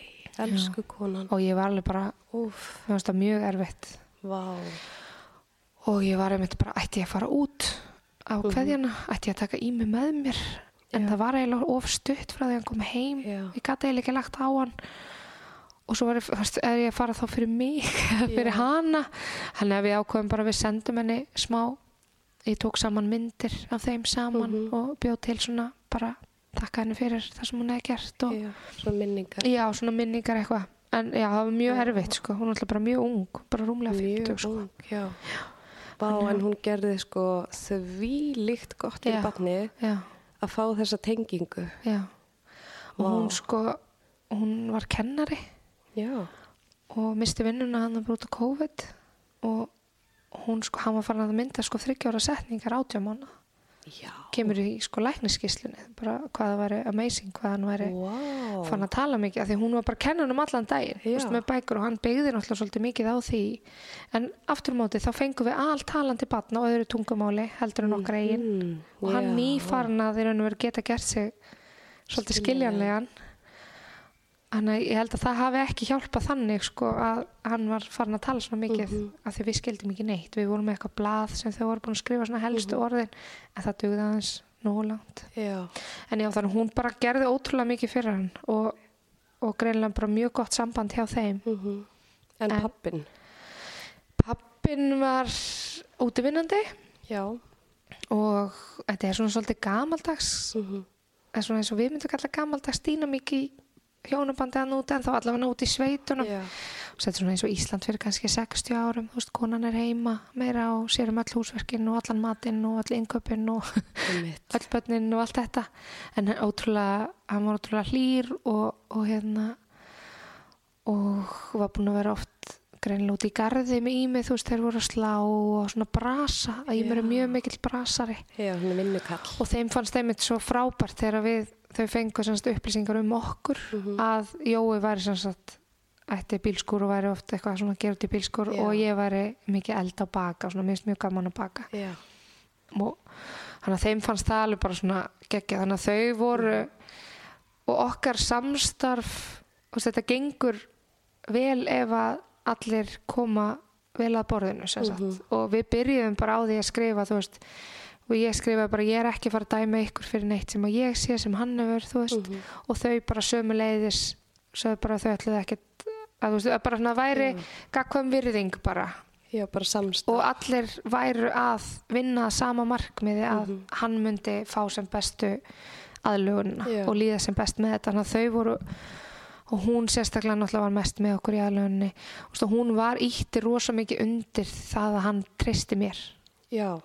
Það og það vel skipti rosa Já. miklu máli og hún var alltaf að íta honum í raun og veru að mér Mhm. af því að mér fannst, þetta var alveg svolítið svona skrítið fyrst, maður er einhvern veginn bara svona passa bann Já, inn á heimili hjá einhverjum öðrum ég vann við að passa framan, þegar já. ég var þú veist, úlingur Einmitt. og þetta var svona svolítið þannig stemming maður er einhvern veginn að Já. passa og alltaf verið að fylgjast með manni Já. og þú veist, og bæði kom náttúrulega líka félagsrákjafin þeirra kom reglulega og var að sagt, fylgjast með Já. og tala við hana og bara var hlúa hennar bara andlegu hlið sko mömmunar Okay. þannig að það var mjög vel staðið að því Já. og þau eru alveg með gott samfélag hann að fóstufóreldrarnir og, og hérna gáttu svolítið svona að vera að tala saman en ég sá Mhm. að það var mikill styrkur líka hjá þeim að þetta er örgulega ógislega erfitt Já, ég að, get ekki ímynda með það. Nei, ég var líka fyrst þegar við fengum upplýsingar um hann og sá fólk var búin að vera með hann frá þeim pínu, pínu lítill Mhm. og ég bara hver getur bara ok, þú mátt fara Nákvæmlega. en svo þegar maður hittir þau og sá aðstæðunar þú veist, bara hvernig þau litu á þetta Já. og hún sá þetta líka bara svona svolítið sem sína köllun að og hún var sko þegar við förum hana í mæ bara lók mæ þegar við erum búin hjá þeim þá er hún bara að fara að fá nýtt barn í ágúst og Já. bara ógeðslega spennt fyrir því og við keftum alveg fullt á dóti eitthvað letum við hafa rimlarúmi og gerum bara svona aðeins Mhm. að hjálpa til einhvern veginn og já, maður einhvern veginn, þú veist, þú mátt náttúrulega ekki borga þeim fyrir að hafa verið, barn, verið með barnið Nei, en nei. maður er samt svo ógeðslega þakkláttur einhvern veginn að við já. bara gerðum svona það sem við gátum en svo greinist hún bara þarna í júli, eitthvað, hún bara greinist mjög stuttu eftir hann og hún hefur orðið mjög veik þegar við erum hann Vá, hún var að byrja að vera veik. það hlýtur eiginlega að vera að því að hún er bara komið með þriðja fjórastegs krabbaminn þegar hún greinist Shit. En tókst eitthvað eftir að væri eitthvað... nei en svo svona Nei. eftir á kannski fyrir maður að hugsa, við vorum alltaf bara í allt öðru sér verkefni og Jói Já. alltaf læknir og hann er já, þú veist það var alveg svona fleiri hluti sem hann tók eftir. Já. og hann var alveg búinn að minnast á eitthvað. Ég bara pældi ekkert í því meira. Og við heldum kannski bara að vera út af veist, Ímur er svolítið að vakna var að vakna mikið á nóttinu og ég heldum bara að vera svefnleysi eða eitthvað. Að þú Já, veist, þú var svona já, og svona kannski fölari og, og Mhm. þannig, en já, hún var alveg að verða hún var mjög veik Vá, Og dó bara frekar fljótt. nei, hún dó Nei. ekki fyrir sko, það er svona ár síðan sagt, hún var alveg svona hálf, hálfu ári 7-8 mánuðum eftir eða eitthvað slags. Þannig að jú, jú, frekar fljótt en ekki samt alveg, alveg skyndilegt. Um, En er hérna fóstupappin og Ímir, voru þeir eitthvað að bonda mikið? Eða þú veist, var hann aðalega tengdur henni já, frekar heldur en, hann var aðalega tengdur henni, já, Já. og fóstu sýstu sinni. já, hvað var Þau hún voru, gömul? hún var 16, Já, og bjóð hana líka. já, og þau voru bara mjög mikið saman. Hún átti mjög erfitt með þetta. Já, var hún með í þessari aðlögun? Já, hún var í skóla, Já. en hún, var, hún átti miklu erfiðar með að sleppa. Já. Og hún var ofta að taka svona fyrir höndunar á manni. Veist, kom inn Mm. í þegar við vorum að reyna að tengjast, sko. Og mamman þurfti alveg svona að hérna, taka aðeins á henni en þetta var samt svo ógeðslega erfitt fyrir hennar þetta var bara bróður hennar Jésús. og þegar við vorum komin í hina íbúðin og farin þá kom hún sko gisti Þú veist, spurði hvort hún mætti gista Ok, og þið segju já? já, var svolítið erfitt að segja nei sko Já, var Og- ekki pín skrítið samt? mm, Það var jú, þetta var allt skrítið Já, var- þetta var eitthvað sem ekkert skrítnara Nei, nákvæmlega. en Vá. já, að þetta var svona hún átti mjög erfitt með og hérna, en svo bara við vorum urðum bara mjög góða vinkonur að núti, ég og sýstir sko. Og ég var náttúrulega bara farin að skipta mér á sambandinu hennar, hún var bara í sambandi með allt of gömlu manni, hún var bara 16 ára hún var bara ógeðslega nei, Jú, hún bara nær mér í aldrei heldur en henni. Oh my god. og mjög óviðandi og Já. ég var alveg bara svona, já Þú var- að ala hann upp. já og, Vá. og við erum bara mjög góð vingar og hún er Já. að koma í sumar Nei, til Já, Íslands, í heimsó. já, hún ætlar að vera hjá okkur í tvær vikur í sumar Æ, hversu bara vera dásamlega. fjara ára ammálinu hans ímis í sumar Vá, ertu ekki spennt? Jú, en hún samtalið svona kvíðina því að hún, hún alveg bara hvernig á ég að tala við hann, hann Já, og hvernig bregst hann við? Já, við höfum sko, höfum alveg ringt í þau áður en hún dó og svona, þá ringtum við alveg á FaceTime, Já, og þau bara sögðu ekki neitt og við sögðum ekki neitt þau bara horfðu á hann leika sér og eitthvað þau var bara það sem þau þurftu að við gátum ekkert talað Nei. Nei, við gátum bara skrifað Mhm. og við skrifumst ofta og ég sendi henni alltaf myndir og svona og, og hérna um, en svo var hann bara hættur að vilja það bara svona fór, já. já, já. og ef við skoðum myndir í dag Mhm. af þeim þá segir hann bara að bara, sem sagt hún heiti bara fóstusistir hans já. Og hann segir bara hún sé Rakel sýsti mín af því þær eru sko er hann bara nokkur ára mm. millið þeirra og er báða ljósarðar og svona alveg líka, hún finnst hann bara vera hún. Já, ok. Og þegar hann sé mynd af fóstur mömmu sinni þá segir hann bara amma. Þannig að svolítið eins og hann sem búin að transfera Mhm. um, yfir. Sem er kannski gott. Já en, en svona, já og svo vill maður ekki heldur vera aðeins að íti svo mikið mm. af því náttúrulega bara hans tengslar ofur, bara hann misti fjölskyldurinn sína. Já. Veist, hann skipti um fjölskyldu alveg. Mhm. og maður hugsa um bara einhver börn sem að þekkir vinna sinna eða eitthvað sem eru tveggjára og þau myndu bara fara á morgun og skipta um fjölskyldu. Já, þetta er svakalegt. Þannig að það er alveg mikið undir með þetta Já. þó að hann svo sem það sé kannski ekki mikla minningar Nei, svona á yfirborðinu. En það kom oft triggerar.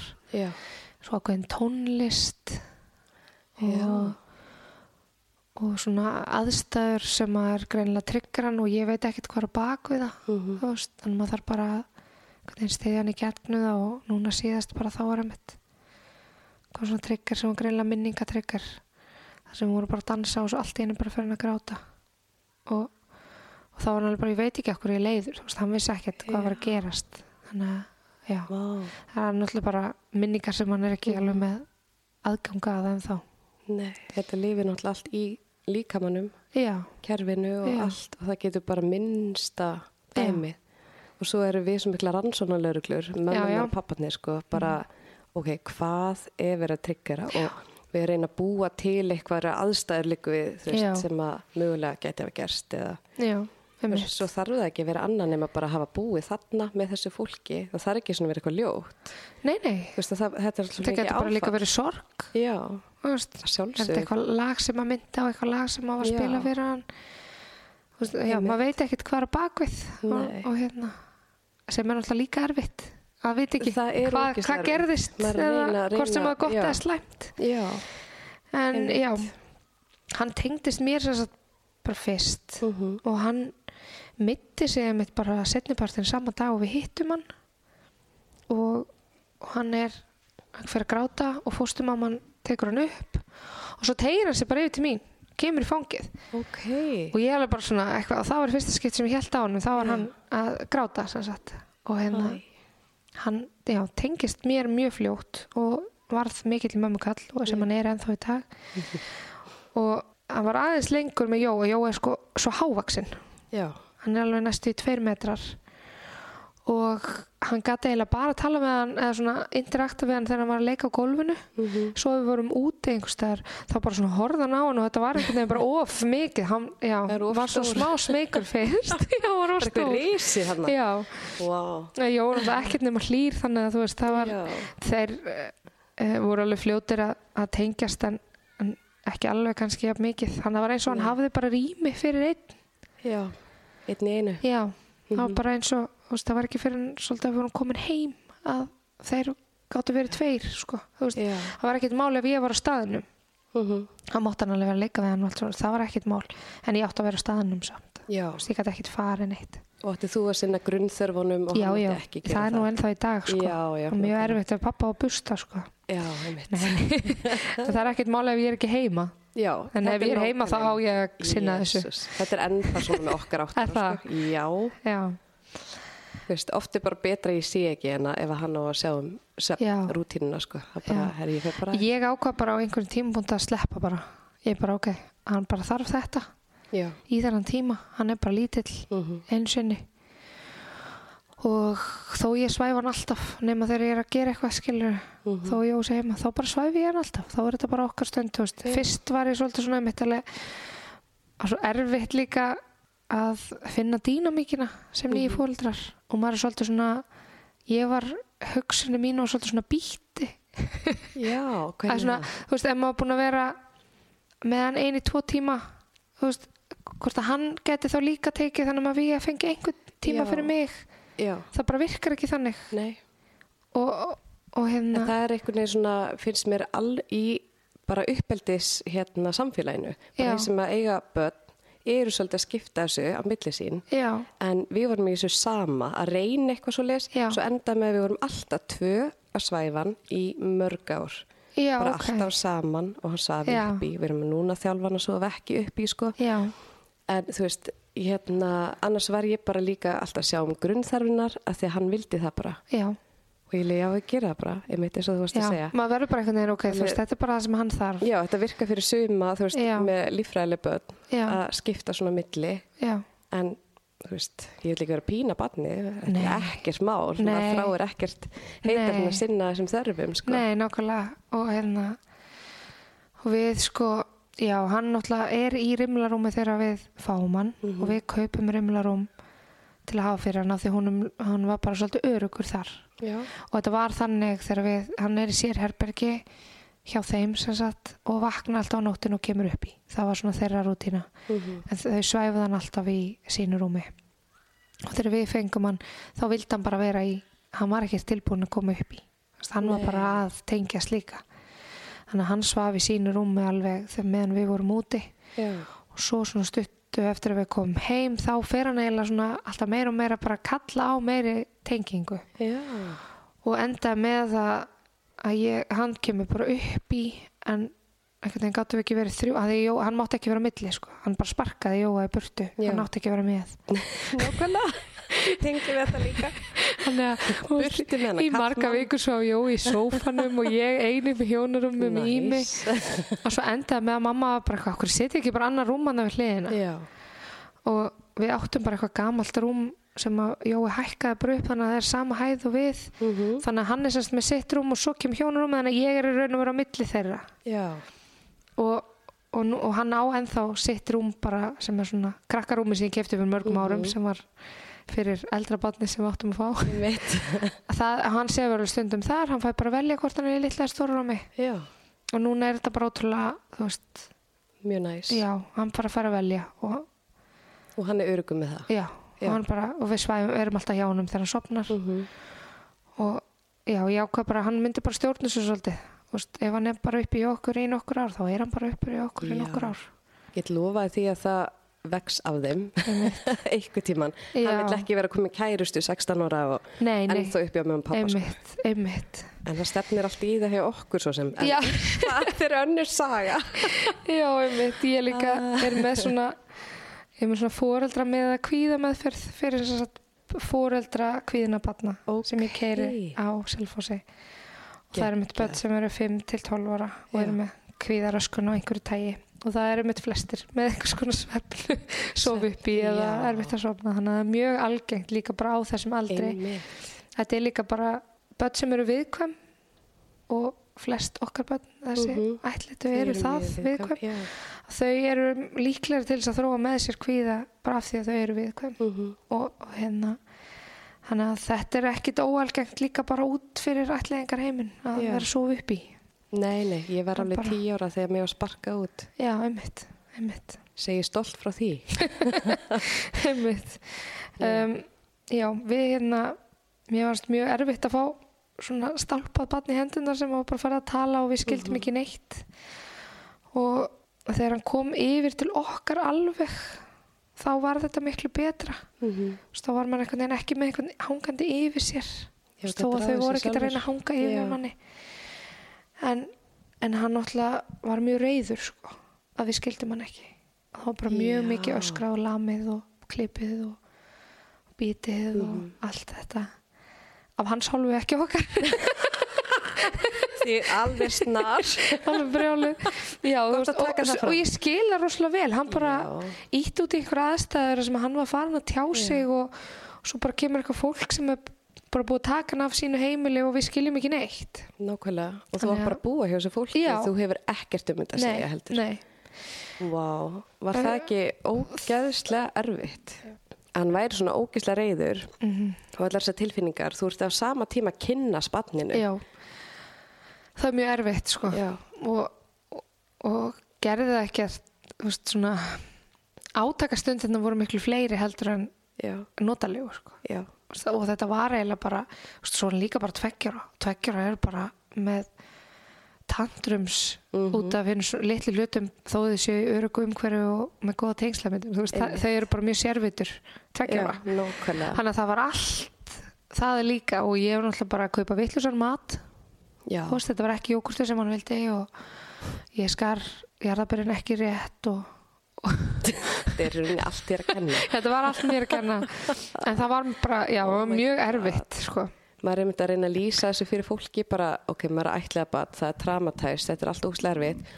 Og terrible too já, þú veist, og fólk er að kvart yfir sínu batni terrible too og maður líka, ok, bættu hínu allir ofan á það. Já, þú skiluði ekki einu sinni. Þetta er svo svakalegt að ég skil ekki hvernig maður komst í gegnum daginn. Nei. Og Vá. sko við vorum líka bara með nágranna sem voru alltaf brjálæðir það var svo mikið læti. já, það var svo mikið læti í honum. Já, var og við vorum svo fein hefur fórum í sko, íbúðinni í börn og að því að okkur fannst svolítið erfitt að vera á íbúð sem var á ábyrð fóstufóldrana þetta Já. var íbúð dóttur þeirra. Já, upp á Þú veist, og, rústa já, því hann var alltaf að lemja okkur spikla og þú veist, þetta gera allt til þess Mhm. að íta á einhver staði og reyna að fá mann til þess að verða reyðan af því var bara svona já, svona eins og hann var, var bara alveg að reyna að testa hversu mikið hann gæti verið óþólandi já, það er bara það já, sem er líka bara það sem börn gera þau Já. bara íta allstaðar á boundaries til þess að sjá Mhm. hvað er gat sko. og svo er mitt á þessum tíma þá má maður ekki æsa sig, Nei. alls, alls, alls ekki Nei. og þetta er svo erfitt já, og svo er maður sinni líka bara sefur lítið já, og svo er maður að vaka fram eftir að því að maður langar að hafa einhver tíma fyrir sjálfan sig. Já, bara til þess að það er, tala já, já. saman eða eitthvað. Já, eða bara að tala um einhvern annan. Já, helst. Ég verð bara svona Ég verð bara svona æstu að tala um þetta Já. bara, Já, helst bara alls Þú ekki tala um makan þetta var líka ótrúlega sagt að þau fyrir mann út í COVID það er allt Jésús, það já. talar engin ensku og við erum einhvern veginn bara svona eini heiminum. Já, og á þessum tímubóndi þá mátti enginn koma til okkar þannig Já, fyrst, það var náttúrulega bara ferðabann. Mm en svo þegar við erum komin til Brno þá er aflétt sem sagt og opnaði veitingastæðir úti. Sagt það mátti setja úti. Já. það breytti öllu. Vá, næs. Við bara fórum út að borða hverjum degi Já. þá. Bara, ég var komið svolítið leið á jógurti og Reyndar, það var næs. Gekkja annað hvort það er stress, ég veit ekki. Bæði. Já, en þá var líka komið sumar. Já. Þú veist, það var alveg kallt í mæ sko. Þá tveggjast ég hiti. Ég var sko að krókna. Ó, Já, það, var, það var aldrei verið svona kallt vor hjá þeim. Það er bara allt Já. Allt að gerast þennan og, en þa- þannig að við förum til börn og þá bara komin sól og, og blíða og við erum með smá svalir og hann getur bara verið út að sulla og Ok, næs og mér fannst líka mér fannst mjög ofta erfitt líka bara þegar ég kom til börn og mér fannst þetta erfitt að vera ein út um í mig Já. af því að það var svo mikið hort á mann. Já. Og ég átti, ég var sko alltaf með pappirinn á mér ég var einhvern veginn alltaf átti vonaði einhver myndi vera bara eitthvað, átt þú þennan? Já, er það? Já, En ertu með einn þá ekki með manninu? já, ekki manni mínum bara með Já. hann út að labba eða út á rólu eða eitthvað Vá, við gátum það aldrei Við þurfum alltaf að vera tvö já, Það var svakalegt nei, nei, ég, hann vaknaði bara fyrir allar aldri við vorum komin á rólu bara 6-7 Já. morgunin sko. Ok, við gáttum skipta aðeins Já, eða sko, ég gata. Það var ekki öfugt. Við förum með hann til- til Börnó. Hann er sagt bara frá þessum pínlilla bæ og hann hafði eiginlega aldrei verið með börnum. Nú, Af því að bara því lengra sem þú fara út í sveit því meiri fordómar eru eitthvað Róma. Já. Og hann mátti ekki leika á leikvallinum með hinnum börnunum, Ha, hvítu börnunum. oh my god. Mm Þannig að hann, já, hafði aldrei leikið með börnum. Já, hérna hér, ég er sjokki. Já. Og fóstufóreldrarnir sögðu mitt sko, þú veist, það var aldrei inn í myndinni að þau myndu taka að sér. Mhm. því það hefðu bara verið útskúð úr sínu samfélagi. Oh my god og það var, það var ekki af því að hann var með henni fóstur, það horfið bara allir á það sem starf og það var ekki Já. þannig, en hann var samt ekki velkomin með þeim, þú veist, allt sko. Þú veist, þannig að það var, eru veist, við höldum að það sé mikill rasism á Íslandi það er bara ekkert í líkingu við það sem er úti og þetta er alveg bara svona in your face Új, hvað þetta er Já. ógeðslegt. þannig að þegar við fyrir fyrst á leikvöll Já. Þá situr hann bara með mér bekk og hann bara starir hann bara, Á krakkana. já, þetta er bara ógeðslega overwhelming, bara klak fyllt af krökkum hann Já. veit eða ekkert og eins og þegar við erum komin heim þá er hann alltaf búin að vera leikvöllum úti og svona en hann er aldrei búin að leika við neitt en hann áttar sig ekkert á hvað er barn og hvað er fullor Nei. Veist, hann, hann til dæmis, við hittum vina hjá okkar þegar strák sem er halva ára eldri Já. og, og hann bað hann um að hjálpa sér í skónu sko, þessi sem að tvekja hálsás þú veist það er bara svona engin, að, já, hann bara skildi ekkert hverju munurinn á Fullatum börn. þannig Vá. að, að það var svona svolítið og er búin að vera svona hans helsta Mhm. áskorun er bara svona tengsla myndin svona þessi, þetta er félagsfærni Já. Vá, hvað þetta er magnað. Ég hef aldrei pælt í þessu. Af því að ég þekki þetta ekki. Eða veist, ekki þennan vingil, sko. Nei, náttúrulega þessum bara barnaheimilum Þeir eru bara með börnum. bara með börnum Og þeir treysta eiginlega bara börnum. Þeir treysta ekki fullorðnum. En svo hefur hann ekki verið með börnum nema þessa 16 ára sem er náttúrulega fullorðin. Já, Vá, ég er alveg bara heilin á mér að springa í svo eitthvað, með svo magna. En hvernig, hann er núna Þú veist, hann hvað? hefur örugglega alveg séð börn eitthvað staðar á lappi, skilur en ekki, þannig er ekki haldið alveg frá honum en, Nei, en ekki sem með- samskipti nei, við ekki þau. voru bara, náttúrulega, enginn af þeirra vinum áttu svona lítil börn og orðin Já, eldri, þannig að það var ekkert inn í Þetta er merkilegt. mm En hvernig, hann er fjagur ára núna, eða verða fjagur ára, Já, hann verður fjör ári sumar, hann er þryggja háls núna. Og þá er svona áskorunin að kenna honum að tengja spönnum Já, og að leika, þetta sé börn og munin á börnum og fullorðnum. já það er alveg komið núna sko. Já, en hann fór sem sagt við komum heim í nokkur dögum fyrir tveggjur ammali hans Mhm. hann á ammali 27. júni en við komum heim hann bara 19. eða 20. minni mig já, og fer sem sagt, er, við erum náttúrulega bara heima hann í nokkra mánuði og svo byrjar hann í oktober november að fara hálfan dag í leikskóla mhm, og ég er með hann náttúrulega fyrstu vikunar bara. Að því að það vantaði svo mikið að tengjast og það er svona taka þetta inn í hennan félags þátt að hann er og náttúrulega leikskólinn fekk fræðslu frá Rut. Já, og þau gerðu bara starfstag úr þessu og litur og vera allar deildir fara á geggja. námskeið og það hjálpaði mjög mikið því að nú er hann veist, komin á aðra deild en það er samt starfsfólki þar búin að fá fræðslu nema náttúrulega einhverju nýjir en samt þá svona, ég þurfti aldrei að vera útskýra Nei. neitt þannig Það er mjög gott. Já, og þau, það var ótrúlega, þann, hann er mjög óurugur í nýjum aðstæðum og svona, þó, Mhm. hún leiði mjög vel inn á deildinni sinni, en þú veist, gæti ekki fara í salin, ekki fara í föndri, þú veist, svona bara Já. út úr sinni deild. Og þær leiði þá honum bara aðeins að vera í sinni búblu, Mm en svo náttúrulega þarf að hvetja þau út úr öryggis, Já. svona hegðunni sinni, en hann var alveg bara hálfan dag í leikskóla alveg í ár. Mhm. hún var ekki fyrir núna bara í haust sem að ég fyrir að vinna 50% og þá er hann, nú er hann til 2 Já, en, og bara fór réttind að geta haft hann bara stutt og ég er ekki að vera að vinna 50, Já. meira en 50 og mér finnst hann bara ekki alveg tilbúin í meira. Þú veist, það er bara alveg nóg að vera það er bara 5-6 tíma í leikskóla. Já, Já. það sama, við gerum það sama sko, Já. því ég get bara ráðið mér alveg sjálf. Já, einmitt. Og mér er bara ógislega mikilvægt að geta gefið mér þennan tíma. Já, og einmitt bara um, ég sótt hann alltaf um þrjú, bara Já. búin að drekka smá kaffi, eða hann drekkur ekki kaffi, já, hvað heitir þetta? Eitthvað. og hérna, þú veist, og þá bara færi rúlið heitum heim og Já. dúllast mm og fór alltaf bara nýju í leikskóla og það er svo þægilegt að geta gert svona rólega mótna, þetta sé ekki stress Já. já. mér finnst það bara einmitt forréttindi Já. það getur þetta ekki allir Nei, það getur þetta ekki allir og það er bara, og ég, við horfum Já. bara á það þannig þetta er bara eitthvað sem við getum gert og það er bara útrúlega dýrmætt Já, það er það. En já, ég er alltaf komin fram í tíma. Mamma var hjá og okkur úti, kom, kom út og var hjá okkur í viku. Og það ókslega mikið vesen að fara einhvers þar úti í sko eitthvað eitthvað útkverfi í börn og til að fara í COVID-próf og eitthvað sem við þurftum líka að gera náttúrulega með í mig já, til þess að að fara komast. heim. Já, og hann Og- þurfti að vera kóðupró líka. Já, já, oft. Oj. og hérna og hún náttúrulega, þú veist, já, var hjá okkur í viku og svo þurfti náttúrulega að vera daga heima í sóttkví líka. Þú Oh þannig að þú þurfti að gæti ekkert verið lengur af því það svo langt frí. En það var ógislega gott að fá mömmu. Já, er það ekki? Já, það var mjög gott Mhm. og ég mæli með því ef að fjölskyldur eða vinir þeir sem er að fara út að taka þú veist, það er, ég veit ekki hvort ég myndi mæli með því allan tíman þú veist, að því það er kannski upp á tengslamyndunum og svona, að því að það er ekki Já. hægt að komast hjá því að tengjast þegar þú ert í kringum barni Mhm.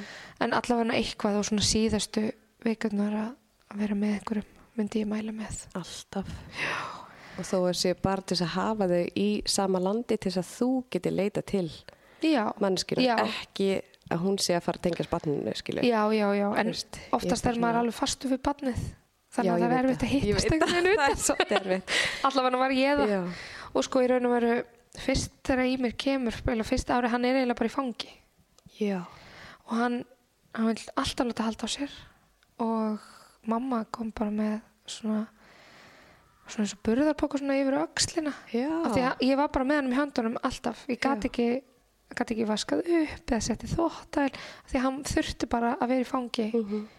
ægilega allan daginn og þannig að ég var bara með hann utan á mér sem betur fyrir fyrir bakið á mér og þá var hann bara mjög léttur og lítill fyrir sína, sinna aldur og var bara 10 kíló eða eitthvað Það er bara fín. þannig að það var mjög fínt og hann var Mhm. eiginlega bara, já, var í þessum póka bara alltaf Æ, krút, svona lítið kenguru. Já, ungi. svolítið. Æ, og bara hérna hún hló ótrúlega mikið tengslamyndun í því líka já, svakalega. og hann bara eiginlega eftir við komum heim fór alltaf að kalla á meira og meira nánd Já. þannig að það var líka gert á svolítið hans hraða Já, paldi hvað þessi börn eru klár. Já, veist, fyrst Hann náttúrulega bara hann að ekkert sofa með já. okkur til dæmis, þú veist, eins og ég var að segja. Mhm. svo bara, núna vill hann vall. Jú, jú, núna er hann fann að sofa alveg í sínu stundum en, Já. en fyr, svo bara var hann bara, nei, ég ætla ekki að sofa neins þar annars þar þá, þannig að hann byði bara um það. Svo Já. náttúrulega var hann mjög mikið veikur. Nú, bara eftir að hann byrjaði á leikskóla. Já, af því að hann hefði alveg verið í búblu. Það var Já, náttúrulega líka COVID, COVID. COVID. Og öll COVID-bönnin er ekki búin að hitta neina neina, neina vírusa eða neitt Nei. og síðasta vetur ég held við höfum náð nýju dögum hitalösum allan vetur já frá svona oktober, november til mars oh my god. þannig að já hann var bara ótrúlega mikið lasin og hann verður alveg, hann fær alveg bara 41 steg hita, hann var alveg ógeðslega Vá. mikið hita og lasin þannig að hann tók þetta allt út bara Jesus. Hvernig, það var fyrsta árið eitthvað bara. já, Þá var það bara veikur. eiginlega nei, bara eftir að hann byrjaði leikskóla Ok, er það kannski líka að því að hann var ekki umgangast mikið af börnum? Ég held að sé hjá aðalega þessum- bara að því hann hefði verið ekki að umgangast neina aðra en Já, fjölskylduna. ég segi það, hann var Já. bara hjá, hann Já. var bara þar. En þetta er líka alveg mjög algengt hjá krökkum sem að veist, voru veist, í fæðingarólofi og fóru ekki til dagmömmu Já. voru svo bara beint á leikskóla og eru bara búin að vera í sóttkví heima með mömmu og pappa, þú veist, þannig að ég held að þetta er líka alveg algengt. Já, er eftir COVID, að þú ert svona einangraður að hitt ekki Já. fólk þannig og þá bara ertu bara veikur Já, einmitt, þegar þú fyrir síkla grifjuna. einmitt. uh, en já, við förum sérst heim, hann er bara eh, 19. júni. Það er ekki gott að komast heim. ógeðslega gott að komast heim mamma var búin að fara hann að stuttu áður og búin að passa að vera allt hreint og fínt og Mhm. bakaði súpu sem var bara á eldavelinni tilbúin. Það er að súpa sig og spyrja elda hann Nei, kláraði löng. Hún er síðan í mars. Já, nei. Og, og hérna og svo komst sem staði að það hefði farið rafmagni af húsinu þannig að allir fristurinn var Ó, bara ógeðslegur Guð. þannig að ég var svo ógeðslega fegin að hún, Eins gott, já. hún kom staðið að því að það var sko ógeðslega lykt og eitthvað. hún er alltaf búin að vera úti í þarna 7-8 vikur. Vorum í heldina í 7 eða 8 vikur. Já, það er hressandi. já, hann var mjög gott að komast í sitt rúm Ó, og, og sitt svona og þá tók við náttúrulega þessi dagar sem að maður er náttúrulega fyrsta lagi vorum við í sótkví í 5 daga þannig að við höfum rosalega góða afsökun til þess að fá enga heimsókn Já, og, en það var ógeðslega mikill munur að koma til Íslands bara því við vorum búin að vera úti í þessum COVID Mhm. restriction hana og það var nýbúið að opna þú þurftir ekki að vera með grími í bónus og við bara, oh my god Það var bara allsbyrri bónus, Já. allsbyrri andlitinu. á meðan þú þurftir sko að vera með grímur úti bara með þú Já, þessar N95 grímur úti jésús. Og líka bara, þú veist, úti að lappa. ég lappa, Svo creepy. já þannig að það var alveg bara ógeðslega frelsandi og svo var náttúrulega ógeðslega heitt þarna í júni Já. þannig að þetta var uh, svolítið svona já, hann Og hafa með mjög gott að komast og- heim og, en svo fórum við náttúrulega að kynna fólk fyrir honum Mhm. og allir náttúrulega kom með pakka og hann held lengi vel eftir á alltaf þegar fólk kemur heimsókn að það kemur pakka fyrir sig Já. Verður þú góðu vanur. já, voru mjög góð vanur og mér var svona fyrstu vikurnar voru fínar af því það var alltaf einhver gestagangur Já. og svo tekur bara við fæðingarólofið það var bara allir að vinna og allir sem voru í fæðingarólofið voru bara með lítilbönn og voru ekkert að nenn að hitta mig eitthvað með tveggjára þú veist, svona Nei, svona krakka bara. já, þú veist, þetta er ekki alveg eins hittingar eða þannig, þú veist, það eru bara með eitthvað pínlítil bönn og Geta, geta spjallað með þau eru að hjala eitthvað. En þannig að ég var alveg svona já, það var alveg erfiðar að vera í fæðingarólofið heldur en að ég held Mhm. og var alveg frekar innmanna og svo náttúrulega fyrir Jói henn að vinna sem var eiginlega bara fínt það var eiginlega bara við vorum komið smá nóg að þau vera bara tvö saman með honum. Þannig að það var eiginlega bara gott þegar hann fór að vinna. Og við áttuðum okkur eiginlega ekki á því fyrir bara svona ári eftir að við komum heim hvað ferðin úti var erfið og fyrstu mánuðinir Já. og líka bara, þú veist, við vorum bara saman í 15 ár áður en við förum út. Mhm. og bara búin að gera það sem við vildum og allir með sitt space og, veist, og allt í einu um að bara orðin fóreldri og svo náttúrulega bara erfitt fyrir mig að vera fóreldri sem getur aldrei farið í burtu og Já. aldrei verið ekki með hann í fanginu eiginlega, Mhm. farið einu sturtu sem bara eitthvað lítill partur og svo líka mjög erfitt fyrir Jóa því að hann vildi ekkert hafa hann veist, Já, að, hann vildi ekkert hann vildi alveg leika Já. og eitthvað svona og brasa en hann, samt ef það var eitthvað meira heldur en það þá vildi hann ekki Já. Það er bara mamma. já, þannig að hérna þetta var erfitt bara á báða búið þó þetta, og maður fannst alveg sem áðan sem að veri bara svona kapna en, en auðvitað vildi maður gera þetta fyrir hann að þetta var það sem hann þyrfti Já, algjörlega.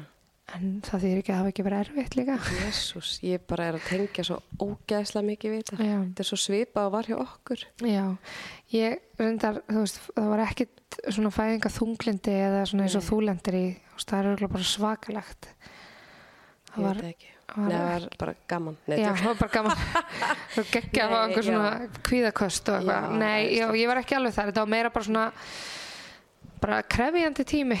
Já, það Þetta er erfitt og flókið. Já. og líka einmitt að þið eru saman svo lengi. Mhm. Það er svona svipað við. Og að þurfa að læra að vera fóreldrar og á sér hlutverk eitthvað. Já, og vera, erum við parið sem við vorum Já, Já. og einmitt og það er einmitt alls ekki Nei, það sem þið einmitt. eru núna, skilu, þetta er svo skrítið. og svo er náttúrulega bara kemur svefnleysi inn í þetta þú veist, ég Já, meina, í mér var bara mjög órökur að sofa Mhm. og, og hérna svaf og stundur náðum að bara fjórum tímum í svefn Já, og það er, þú veist, það hugsar engin rökrétt á fjórum tímum, sko Nei, veist, þannig að maður er eitthvað neginn bara svona já, mjög erfitt eitthvað neginn að ætla að vera í einhverjum einhverjum viðræðum um, um hjónabandi eða hvernig við ætlum að hafa þetta ef að Það- enginn er sofin það verður bara allt svona Já. uppstökt og maður bara svona, já, já, en það var mjög erfiður tími Já. og, en árið bara mjög fínt í dag sko og, og svona um leiðum að búin að átt að sjá tilfinningum sínum og líka bara tala saman og þú voru að segja það sem maður var að meina einmitt og svo erfiði hugsanir, bara segðu þær, komið Já. sér út, talið um Já. þetta. og mér finnst það mitt ótrúlega gott þú veist, þessast fólki sem var búið að býða hann í fimm mánuð eftir að sækja sitt Já, þessi sem að voru undan okkur, þau Já. fóru út bara þreim vikum undan okkur já, þannig að þau voru út í raun og veru á sama tíma en við hittumst aldrei að þau vorum aldrei í börn og á sama tíma Mhm. Já. þau voru farin þegar við komum þangað en Mhm. við vorum samt í miklum bara samskiptum. samskiptum í gegnum síma og það var svona einhvern veginn öðri sig að tala við hana um Já, allt sem var að gerast heldur en veist, ég á vinkonur alveg þrjár sem eiga börn á sama aldri en það er bara ekki alveg það sama nei, veist, það það er er alls ekki að sama. upprunin er ekki sami og hegðun er ekki svo sama og, og ég mani meitt svo mikið hérna við fórum til Tenerife ég fór sérst með Ími og mammu og sýstu minni Mhm. og fórum hann bara í janúar hann er tveggja og háls og að því að það var einhver búinn að segja mér að krakkar sem að fara ekki fara sérst í flug einhverjum tíma eftir að þau eru ætlit Já. að þau halda að sé verið að vera að skila sér þegar þau fara í flugið. Já, já, sem er hrikalegt. Að því þeirra eina minninga flugvél er þegar þau eru sótt. Þannig að ég vildi fara nokkur sinnum í flugvél til þess að einhvern það væri ekki Já. bara minningin allavega. Já, vá. fyrir það er alltaf næs að fara þér í sóluna já, en já við fórum hann út og ég man að við hittum sem sagt frængu mína og, og við erum hann á ströndinu og ég ætla að fara að kaupa ís og ég ætla aðeins að fara hérna og mamma náttúrulega þekkti í mig mjög vel og hann var mjög tengdur henni. Og hann byrjar eitthvað að kvarta ég sé að fara og, og enda með að mamma kemur semst bara með hann. Og frænka mín var svona alveg bara hvað hérna, þú veist, akkur að ég, kannski ef þetta hefði verið batt sem að væri, var líffræðilega mitt og væri ótrúlega vel tengt þá hefði maður bara, nei, mamma kemur bara til smástund þetta er allt í lagi. En eins og mamma sagði, hún bara nei ef hann, þú veist, vill ekki að hún sé að fara, þá hlýði ég því. Bara, hún sagði, ég man svo vel eftir hún sagði þetta, því ég vissi ekki af þessu, sko, ég held að það væri bara allt í góðu. Þú veist, og, og mér fannst eitthvað svo gott, hún var alveg bara, ok, þú veist inn á hans leveli bara, ef, ef hann er ekki örugur, þá fer hann beint, Mm ekkert að reyna eitthvað allt í móin og svona eitthvað neginn haldunum á sinn stað. vel gert Já. henni. vá, þannig að það var já, mjög, mjög vel bara og hún er ótrúlega, hann var bara í pössun hjá henni núna á lögadaginn mm og ég ætlaði mitt ætlaði bara að gista hjá henni henni í bænum og, og fór og ætlaði að gista líka en hún ætlaði að svæfa hana því ég var að fara í eitthvað spilakvöld. Og svo bara ringir hún, einum og hálfum tíma og hún bara, nei, ég held að hann, þetta, hann er svolítið lítill í sér og Já. þetta er ekki alveg að ganga. Og þá kom ég bara heim og ég svæfi hann bara. Þú veist, og þetta er svona munur og alltaf Mhm. að taka því meira alvarlega bara ok, þú veist, honum líður ekki vel. Nákvæmlega. Og hann verður að vita að ég kom alltaf þegar Já. líður illa. Að, veist, það er svona pointið Mér finnst það bara ótrúlega fallegt og vel gert Já. sko. og stómaðun finnst ótrúlega næs að þau geta verið í pössun. En það er bara ekki alltaf hægt vill ekki pína þau nei, nei og þetta er einmitt svona svolítið kannski líka munurinn á þau já, en já, hann að það er mjög ég er mjög góðu stunningur og, og hérna, bróður minn alltaf býr bara næstu götu ok, við mig. Á hann ykkur börn? Já, hann og þrjú börn. Hann er, að, hérna, hann er miklum samskiptum við, já, við þau börn þó hann sé einn í okkur. Já, eru þið góði vinnir já, svona, já, sko, er- það er, er tvö ára milli hans og yngsta þeirra þannig að já, hann er bara mjög mjög tengdur öllum í Já. okkar svona nánustu fjölskyldu. Það það er er, mjög gott og mm ekkert mál að fara í pössun þú veist, yfir daginn og svona bara Já. mjög lítið mál. það er aðalega næturnar. Já, já, Já. hann hefur einu sinni farið í nætupössun það gekk bara mjög vel, þá var hann hjá Mhm. mömmu og sýstu minni. Og þá var þetta ekkert mál. En það er þetta bara mismunandi í hvernig formið þau eru. Algjörlega. Og hann er líka, veist, hans ætlingaraldur er eins og hálsás. Mm og stundum er hann bara eins og hann sé eins og hálsás. Hann vil bara þykjast vera lítið barn og tala svona bullmál Já. og láta halda á sér eins og lítið barn og rugga sér svepp einmitt þykjast drekka brjóst það er mjög mikið. Vá, einmitt, nákvæmlega Og hérna- og svona, já, er alveg Vá. bara lítill Mhm. og svo er hann bara þryggja hálsás og getur sko gert allt og Já. vera að trubla þetta. Þetta er svo magna, Já. finnst þetta ekki magna að sjá þetta og upplifa þetta bara eitthvað Jú. svona, ok En svo sé ég svolítið mikinn mun núna á honum að því það er alltaf að tala um núlpunktinn. Já, eftir að vera búin að heima jafn lengi og hafa gamall Já, já, já, núna er að nálgast þennan þú veist Mhm. við hittum hann 5. mæ, þannig að það er að nálgast þennan núlpunkt sem er samt eiginlega ekki fyrir en að maður er komin heim myndi ég segja að það Já. væri punkturinn Já. en það er að nálgast og það er mjög mikla breytingar hjá hann, er, hann er að vera miklu örugari, við til dæmis, ég var svo stolt um helgina fórum í ammæli og hann sko er ekki hrifin af ammælum, hún finnst ammæli Mhm. ekki Bara skemmtilega, of mikið af fólki og þó þetta sé alltaf fólk sem hann þekkir og hefur farið inn á þessu heimili áður það skiptir ekki máli, veist það bara ammali eru erfið, Mhm. en við þurfum samt að, við megum ekki vera reynslu þjófar barnan okkar, Nei. við megum ekki taka af þeim að pröfa og vita að þau komist í gegnum þetta, þannig að Já. við höfum alltaf farið í ammali, þá erum við bara tímyndur og svo er það bara búið, Einmitt. ef að það er erfitt en við höfum alltaf farið Mhm. og en í fyrsta skipti núna þá bara fór hann úr fangi, hann er alltaf verið í fangi og ekki eins og vilja sko súkulegaköku eða neitt bara, og hann bara fór fangi og var að leika sér í amalinu og, bara, og það var alveg fullt af krökkum og Já. mega stuð og ég alveg bara, þú veist, ég þurfti alveg að vera í auksín og hann kom oft svona að tekka á mér. Mhm. en hann var samt bara mjög örugur og, og hérna, geggja svo stolt. Ó, ég verð svo stolt að heyra þetta já, það var svo gaman svona litlu sigrarnir, já, já, ekki smá. Og þá finnir maður líka bara svona, ok, hann er að verða örugari já, já. Mér finnst þetta svolítið svona að vera núna. Já, en að gaman koma, já, sjá þessi framför. Já svo magnað. hérna með leikskólan, það var mjög erfitt að fá leikskóla. Og, og hann, já, hann var eiginlega bara alltaf tekinn grátandi úr fangi, sko. Oh my god, það er og erfitt. svo beigði ég bara smá stund og, Mhm. og hérna, eða ringdi til að og hann var alltaf mjög fljótur að jafna sig. Og ég var alltaf hugrestan rosalega mikið, Já, þú veist bara þetta var alltaf leið, mamma kemur svo að sækja þig og mamma kemur og mamma kemur og, og hérna lofís að passa þig og þessi passa þig allir sem voru að vinna á leikskólanum og Mhm. segja þú veist, fyrst er, er áhastastund og svo fyrir þetta og svo fyrir að lesa og alltaf bara undirbúa daginn og, og svo fattaði ég bara þegar ég fór að kynna mér hana, áður en ég fór að kenna svona fóreldra hamið Já. þetta er svona hugræna atvöldismeðferð fyrir kvíðinbönn er að þú getur verið að viðhalda kvíða með því hugreist og mikið já, sem ég hafði ekki hugmynd um. Mann er alltaf bara að gera sitt besta. Með auðvitað veit með það ekkert. Já, þannig að ég fór og það var bara svona dæmi um hvernig þú getur breytt hugreistum hugreistingum yfir í eitthvað sem er hans miðað. Já, þannig ég byrjaði bara að segja þú veist, þú hefur farið í leikskólan áður og það hefur alltaf gengið vel. Mhm. því finnst gaman að gera þetta. Ég var ekki miðað því að ég kem að sækja þig og þessi myndi passa þig heldur bara út frá honum. Já og bara þér finnst gaman að leika með þetta tótt Mhm. þá tók þrjá daga og hann var bara farin að fara inn Já. inn niður og fara inn og ég bara, ok, bye er Eitthvað. vel gert Já. Kannski ég magna að bara, bara breyta þetta. þessu Já, breytti hans sjálfsöryggi já af því að ég var alltaf einhvern veginn að hengja hans öryggi á aðra Mhm.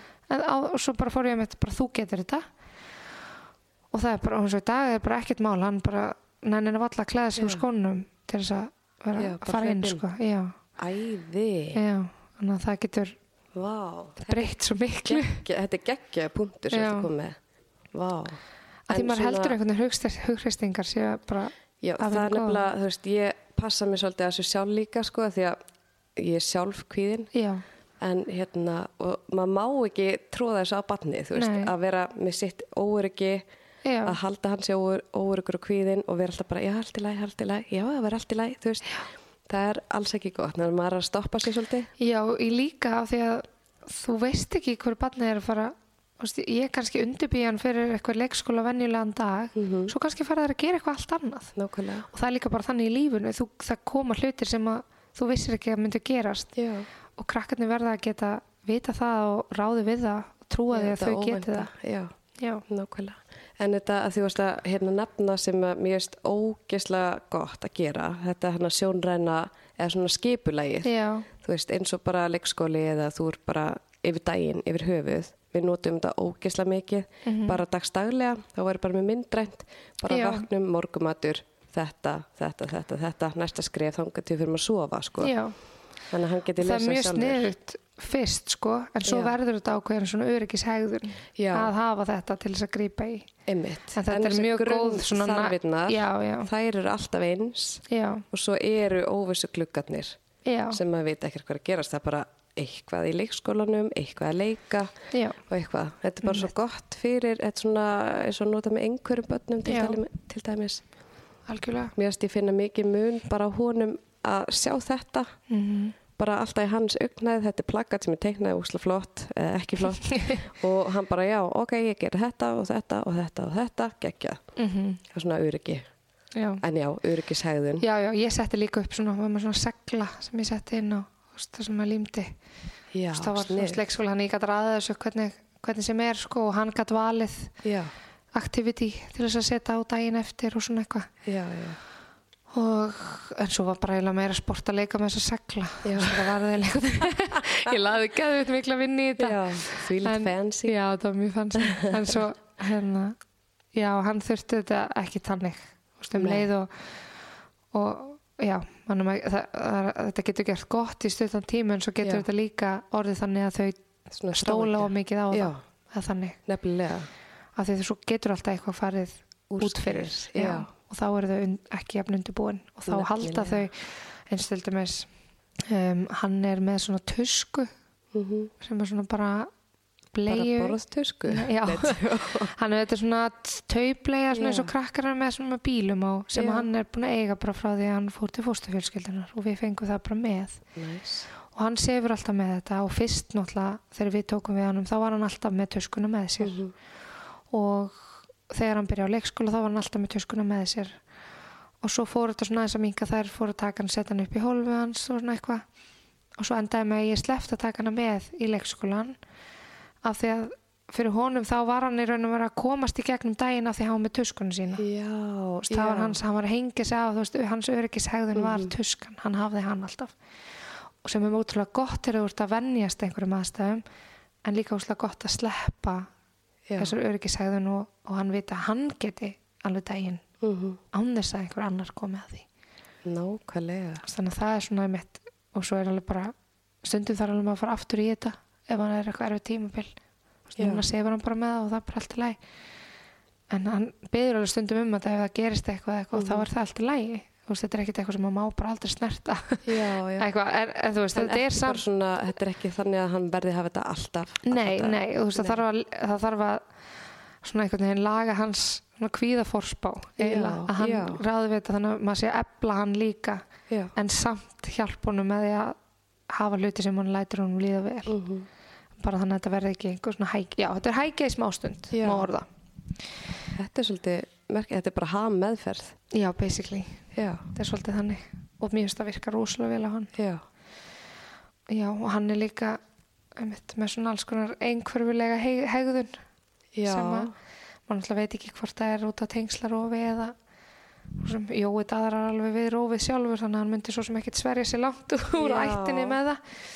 En- Tengslar og við það áfalli bara. Já, einmitt, já, já, eða, veist, þetta er náttúrulega bara áfallið það, Mm hvort sem að það er, það er er tengslarof þegar þú skiptir um fjölskyldu, Já, þó, þó ekki, ég er ekki að segja sig tengslaröskun, ég bara meina, Nei, þú veist, bara það verður eitthvað rof já. á tengslum. Það gerir það. og bara spurningu um hver áhrif þess eru. Mm og það er alveg bara eftir að koma í ljós, þannig séð, en, en mér finnst alveg svona hjálpa honum að vera mútulega góðan ramma, hann þarf alveg Mhm. að en, ef maður segir eitthvað verður maður að halda við það. En það verður að vera með ótrúlega miklu miklum kærleika það- eins og segir það þýðir ekkert að æsa sig eða Nei. maður þarf bara að fara niður á hans level, þú veist, beðis niður bara, þú veist, Mhm. núna, það við erum ekki að fara að gera þetta núna, Nákvæmlega. veist, alveg bara ég sé alveg að þú ert reyður, þú veist, og hann er alveg, fyrir alveg ennþá smá í það, sko og það er Já. bara allt í lægi, hann er hann er bara þryggja á háls og hann er ekki með tilfinningastjórn Nei, nákvæmlega. Þetta og það er bara barn, eðlilegt, sko. þetta er bara framheilin og hann er að hérna, það er allavega mér finnst það virka best fyrir hann að vera Mhm. með ótrúlega með góðan ramma en samt bara með Já. Og einhverjum kærleika að losa tilfinningarna sína líka. Já, Svo mikilvægt að já. fá að gera ég það. segi samt sko þú veist, ég ætla ekki að leifa að lemja mig Nei. en þú mátt alveg vera reyður. Þú það er svona, Ég var alltaf með kotta, bara já það, það ekki má lemja kottan. hann er bara meira brjónlega ef ég segja að lemja einhvern kotta já, nei, en þetta er orðið miklu betri í dag sko, og þú veist, og maður sér alveg að hann bara alveg svona heldur aftur að sér og þetta er alltaf koma Já, eitt og hálft ár. Já. en svo er hann ótrúlega þú veist, ef hann svona hann sér alveg eftir, sko þú veist, og ég segi alveg bara, ég er ekki reið en ég ætla ekki að lifa að lemja mig, Mm þú veist, og segi það alveg hann bara, ég er ekki reið út í það, því hann er alltaf mjög viðkom fyrir ef einhver er, Reyður út í hann. já, eða Já. svona einhver svona eins og bara vinir eða eitthvað svona ef hann er einhver sem segir þetta má ekki eða eitthvað svona, hann er alltaf mjög Mm. mjög viðkomi fyrir ef einhver segir eitthvað svona, Já. þó það sé ekki einu svona eitthvað harkalega, sko. Og svo og greinilega sér hann alltaf svona svolítið að sér hann er bara mamma, við erum bestu vinkonur. Æ, bestu vinkonur. já, við erum alltaf bestu vinkonur. Ég bara, já, já, við erum alltaf bestu vinkonur. Af því hann veit alltaf að ég á vinkonur og ég segi stundum ég fyrir að hitta vinkonur mínar og svona, eða eitthvað, þannig að vinkonur eru alltaf vinsælt. Já, hann, hann, hann er alltaf bara algjör bræðingur líka. Já. það vinnur með honum Já, sérmennandi. já, algjörlega. En það gengur bara ótrúlega vel í dag. Já. hann, hérna, bara líka leikskólinn búin að koma mjög stert inn og þú veist, er með svona talmennafræðing og hjálpa honum með það og er með leikþjálfun til þess að það er svona fyrst aðeins að hjálpa honum að bara, hann vissi ekki alltaf hvernig um, um, hvað leikurinn snýrist eða hvert hans hlutverk var í hús leik þegar þau fóru svona í leiki Ok, hvernig virkar svona leikþjálfun, veistu það? ekki alveg sko ég veit ekki alveg hvernig það virkar en þetta er einhverjum hóp og, og svona bara stýrt Já. stýrður leikur basically sem þau eru að læra já. hvernig á að leika Þannig að þá kannski eru að grípa inn í bara við ætlum að gera svona, já, þú veist, eða eitthvað, ég veit ekki. og líka bara þú veist ef einhverju með þetta dót þá spyr maður, má ég fá þetta Ekki rífa af. nei, og hann var alltaf þannig sko, það var alltaf auðvelt að koma með börn heim til okkar að leika því að hann, hann mátti alltaf allir leika með dóti hans. Já, en það getur verið erfiðara þú veist, það er bara mismunandi krakkarnir hverju Já. má og svo fór svona hægt og rólega fór það að vera meira þar sem að veist, hann fór að sjá þetta sem sitt dót. Hérna, og, og hérna og hann, það mátti alltaf bara alltaf rífa alltaf af honum. Hann bara sagði aldrei neitt. Veist, þegar hann var í leikskólanum og já, heima ef við vorum að leika við einhverja og ég þurfti alltaf að vera bara eitthvað nei, nei, Ími var með eitthvað. Berjast þú veist, fyrir hann að því hann gerði ekki neitt sko. En, en hérna svo bara svona snerist þetta við. Þá Mhm. var bara hann bara að taka af og þú veist, fór svona að vera með hæðun í leikskólanum sem var kannski ekki alveg nóg góð í hóp. Já, og, og þess vegna fór hann sannst í þessa leikþjálfun sem hefur hjálpað mjög mikið. Já, eins, en mér finnst bara ótrúlega flott hjá þeim að vera með svona. já, Og eru með eitthvað svona félagsfærni þjálfunni eða eitthvað svo ég held að það sé inn í Er þessa það ekki bara leikþjálfun inni? Já. já, Ok, skilst það. Já, svo er hann alltaf bara þryggja háls. já, Af því að það tekur svo langa tíma fyrir börn að læra að vera vinir. já. Fyrst eru þau bara að leika hlið við hlið. Já, og það er svona svolítið komið bara núna þau eru mikið að leika, hann er líka yngstur á sinni deild eiginlega, svona nánast. Er það ekki bara fín? Jú, að læra hann af sem eldri. jú, jú, það er bara og gengur rosa vel. Hann skiptir með um deild núna bara í haust. Já, já, gengur bara mjög vel sko. Já. Og hann er hafmyggju samur í leikskólanum. já, og það eru líka bara, já, mjög það er líka bara ótrúlega svona einstaklingsmiðar í, þú veist, eins og þegar maður að hætta á blegi og allt þetta. Mhm.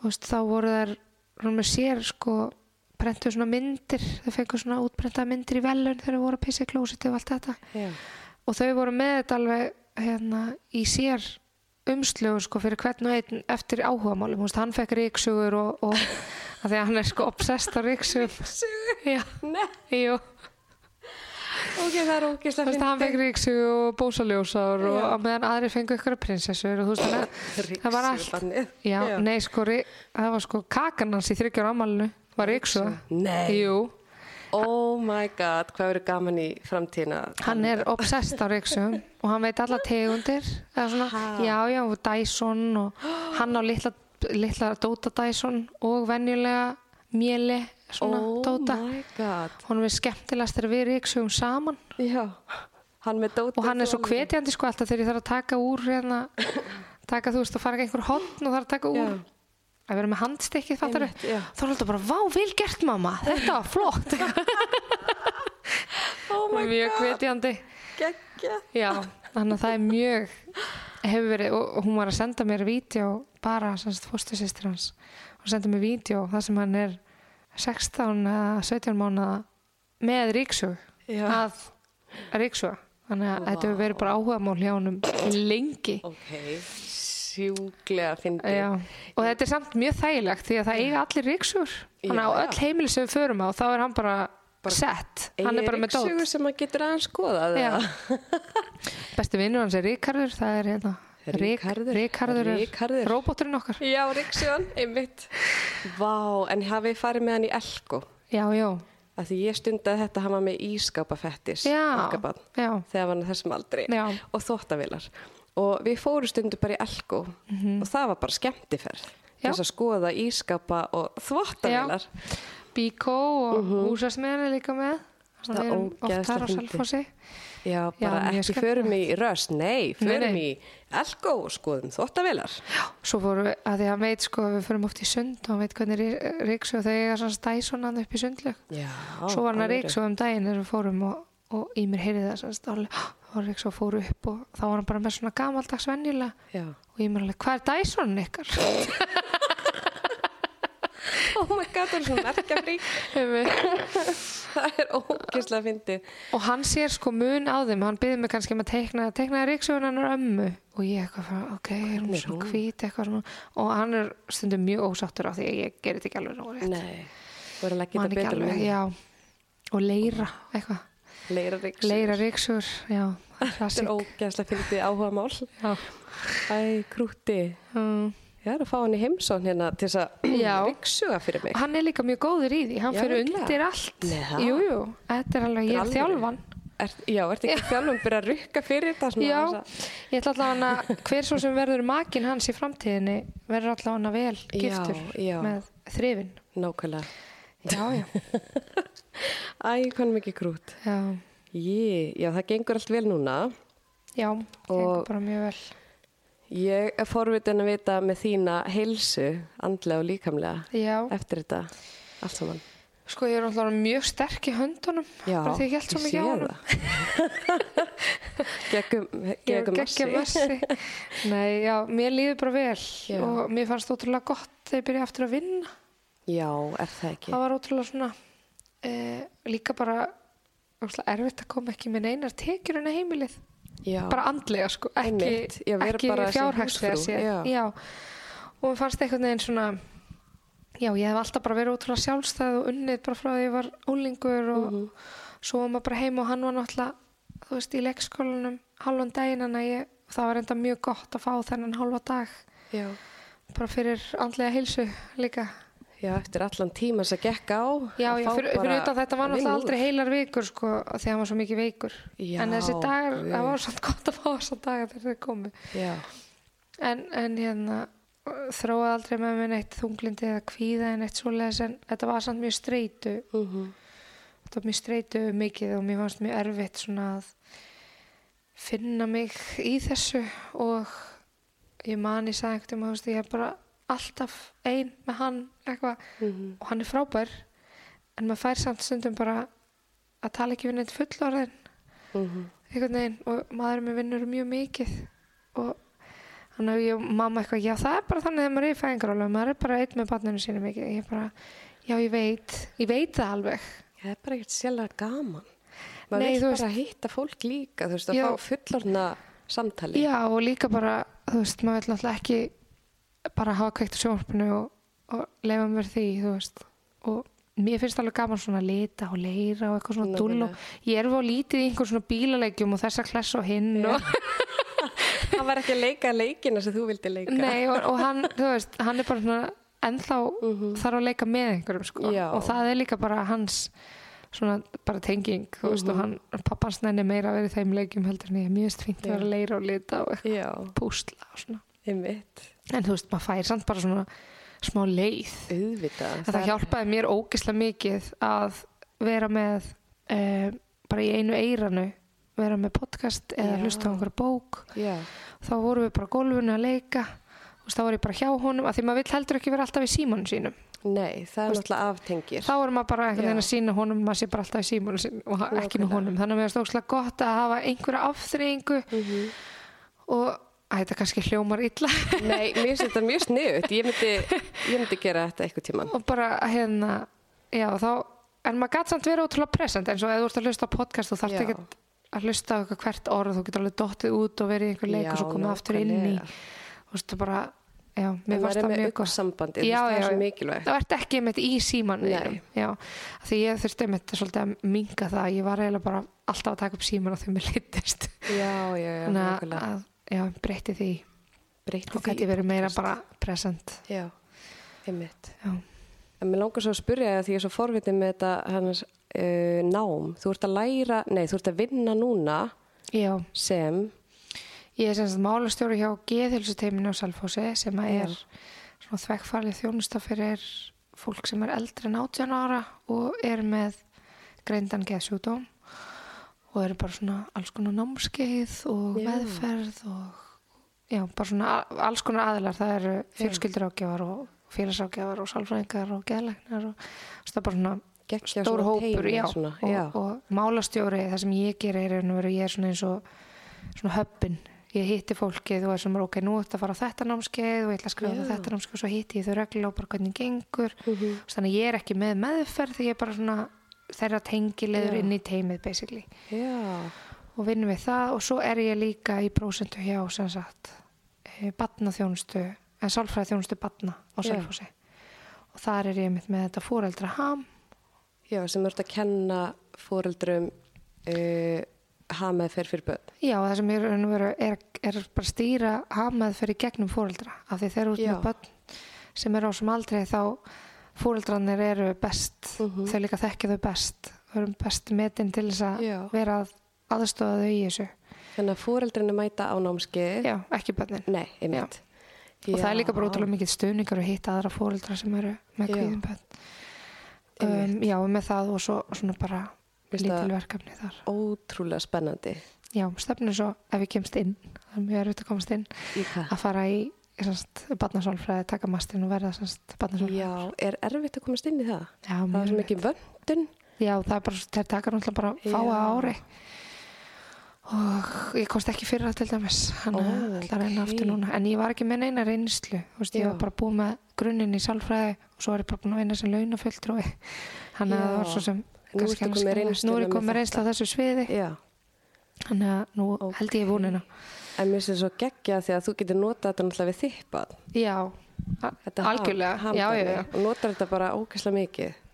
Já, örgulega ómeðvitað sko, ég nota ógæslega mikið. Nei, já, ég nota þetta alveg mikið, þannig séð sko, mm að því að þetta virkar. Já, og þetta virkar rosa mikið fyrir hann. Einmitt. og svona umbunir þú veist, maður er að umbuna hegðun.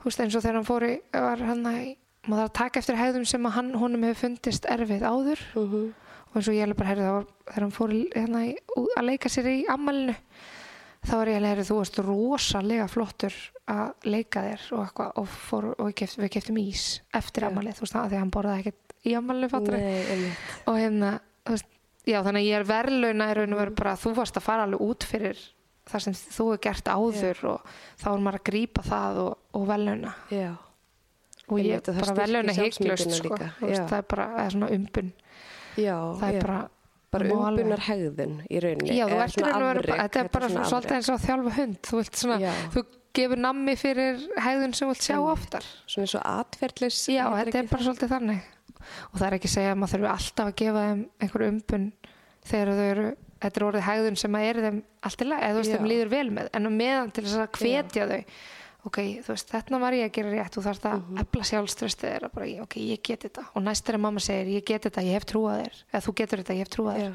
þá kannski get ég þetta. Veist, þannig að maður er svona já, veita aðtegli og þá þarf ekkert alltaf eitthvað að kaupa eitthvað. Þetta er Nei. líka bara kannski bara rós og bara þú mátt velja kvöldmatinn eða þú veist, það er bíókvöld með mömmu eða Nákvæmlega. eitthvað svona eða fá maður ríksu það hefur örugglega verið bara góð ég er nefnilega nenni valla kólu. lengur eftir að fengu ríksu róbot nákvæmlega. nema honum finnst það svo gaman þannig að já, er, Já. ég noti þetta bara mikið Snild. Mhm.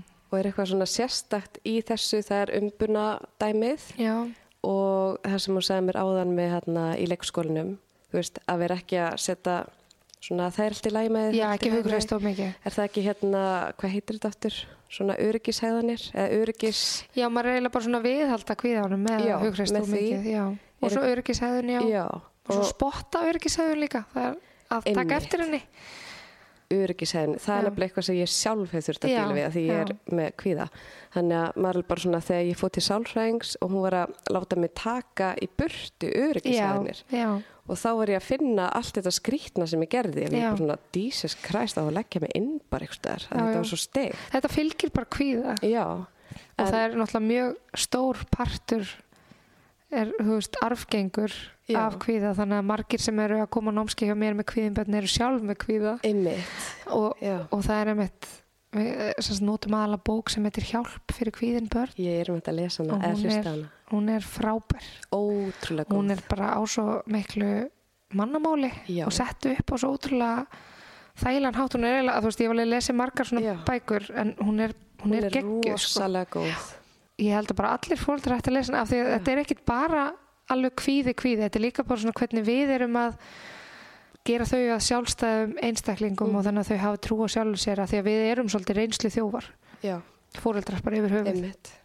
og við, við forðumst að setja þau inn í aðstæðar sem að við vitum að þeim finnst erfiðar af því það er líka erfitt fyrir okkur. Nákvæmlega. það er miklu auðveldar að við gerum þetta bara. Já, sem er ekki gott. Nei, veist, og, og við gerum þetta bara ósjálfrátt og við viljum bara bönnum okkur líði vel Já, hjálp fyrir kvíðingbörn. já, Hún er líka stóri mig. Já, ég er, hlusta, ég er alveg að vera búið með hana. já. Eina sem er svona- vont þar er að þess fara ekki að sjá myndirnar sko, Já, en þú getur downloadað þeim held ég Já. Ég er En- mjög spennt að fara að tekka á þessu, þú veist, að finna eitthvað til þess að vinna með, þú veist, af því að okkar strákur er kvíðin. Bara mjög kvíðin. já, Og ég held að flest, ég vil segja flest, Mhm. ég ætla ekki að fara að alhæfa, en ég gæti alhæft líka við með ætlet börn, þau eru bara kvíðin. Já eins og ég segi þú veist, þau eru viðkvæm í grunninn og það er svo auðvelt þá að þróa þó fá kvíða. ekki endilega röskun, Nei, en þá nei. er alltaf eitthvað svona, þú veist, sem að óryggi og hræðsla og svona undir niðri sem að þarf að vinna með Algjörlega. hjálpa þeim í gegnum. Þú heyrir bara í mér ef þú ert í einhverju vandræði með þetta. Herrið, þú kemur riksuar, hann, hann riksuar og þú hjálpa mér alveg batnið mitt og taka já, kvíðan ekkert mál, ég tek hann bara í burtu. Ó, ég fyrir bara í spa. Já, það er líka svolítið það sem að, fóreldrar halda oft þegar barnið fyrir til sálfræðings að þau, Já. sko sálfræðingur getur bara laga Einmitt. en það er eiginlega fóreldrarnir sem að, Það er nefnilega öll vinna sem að fóreldrarna þurfa að vinna í, sko. og líka bara, ég menna, ef eitthvað gerist þú ert svo sem mest á staðnum, ekki sálfræði tíma eftir tvær vikur, Nei, og ég menna börn muna alltaf hvað þau borðuðu í hádeginu. Hvað þá eitthvað sem þau lendu í sem var kvíðavaldandi. Fóreldrar eru besti stakkbúnir fyrir þetta, Já, en auðvitað gott að hafa stuðning og leiðbenningu í þessu. Já, Já. já, algjörlega. sem er ástæðan fyrir að fólk fer á einmitt svona námskeið eða einhvers Mhm. konar meðferð. Já, já. Mjög flott. Já. Já, það er svo spennandi að tala um kvíða, sko. já mér finnst það nefnilega hérna, svo merkilegt að því að mér finnst kvíði og náttúrulega tramað og allt þetta, þetta er soldið í bland. Er Já. ég að bylla það? Nei, ég er nei, ekki að nei, bulla. alls ekki mjög margt Ef maður hefur upplifað trama Sem þá upplifir eflaust kvíða já, og og svo er líka bara uh, þegar fólk verið fóreldrar að þá koma oft, oft alls konar aðrar tilfinningar bara úr þeirra æsku og þeirra áföll og mjög mikið kemst upp á yfirborðið þegar að maður fer að upplifa fóreld, fóreldra hlutverkið Mhm. og það getur verið bara mjög erfiðu tími hvort sem þetta er ætlitt eða lífræðilegt batn eða Já. fóstur eða hvað sem er. Þá er bara að fara inn í fóreldra hlutverkið að getur komið alls konar minningar og bara tilfinningar sem að þú hefur aldrei verið og kannski bara farið gegnum lífið að þess að vera pæli Já. og kemur svo þegar þú ert að byrja að alveg batn Mhm. þannig að það er líka partur af þessu Algjörlega. Við erum hann svo djúpar, mjög, svo djúpar breyðar. já Var þetta ferli eins og bjóst við eða?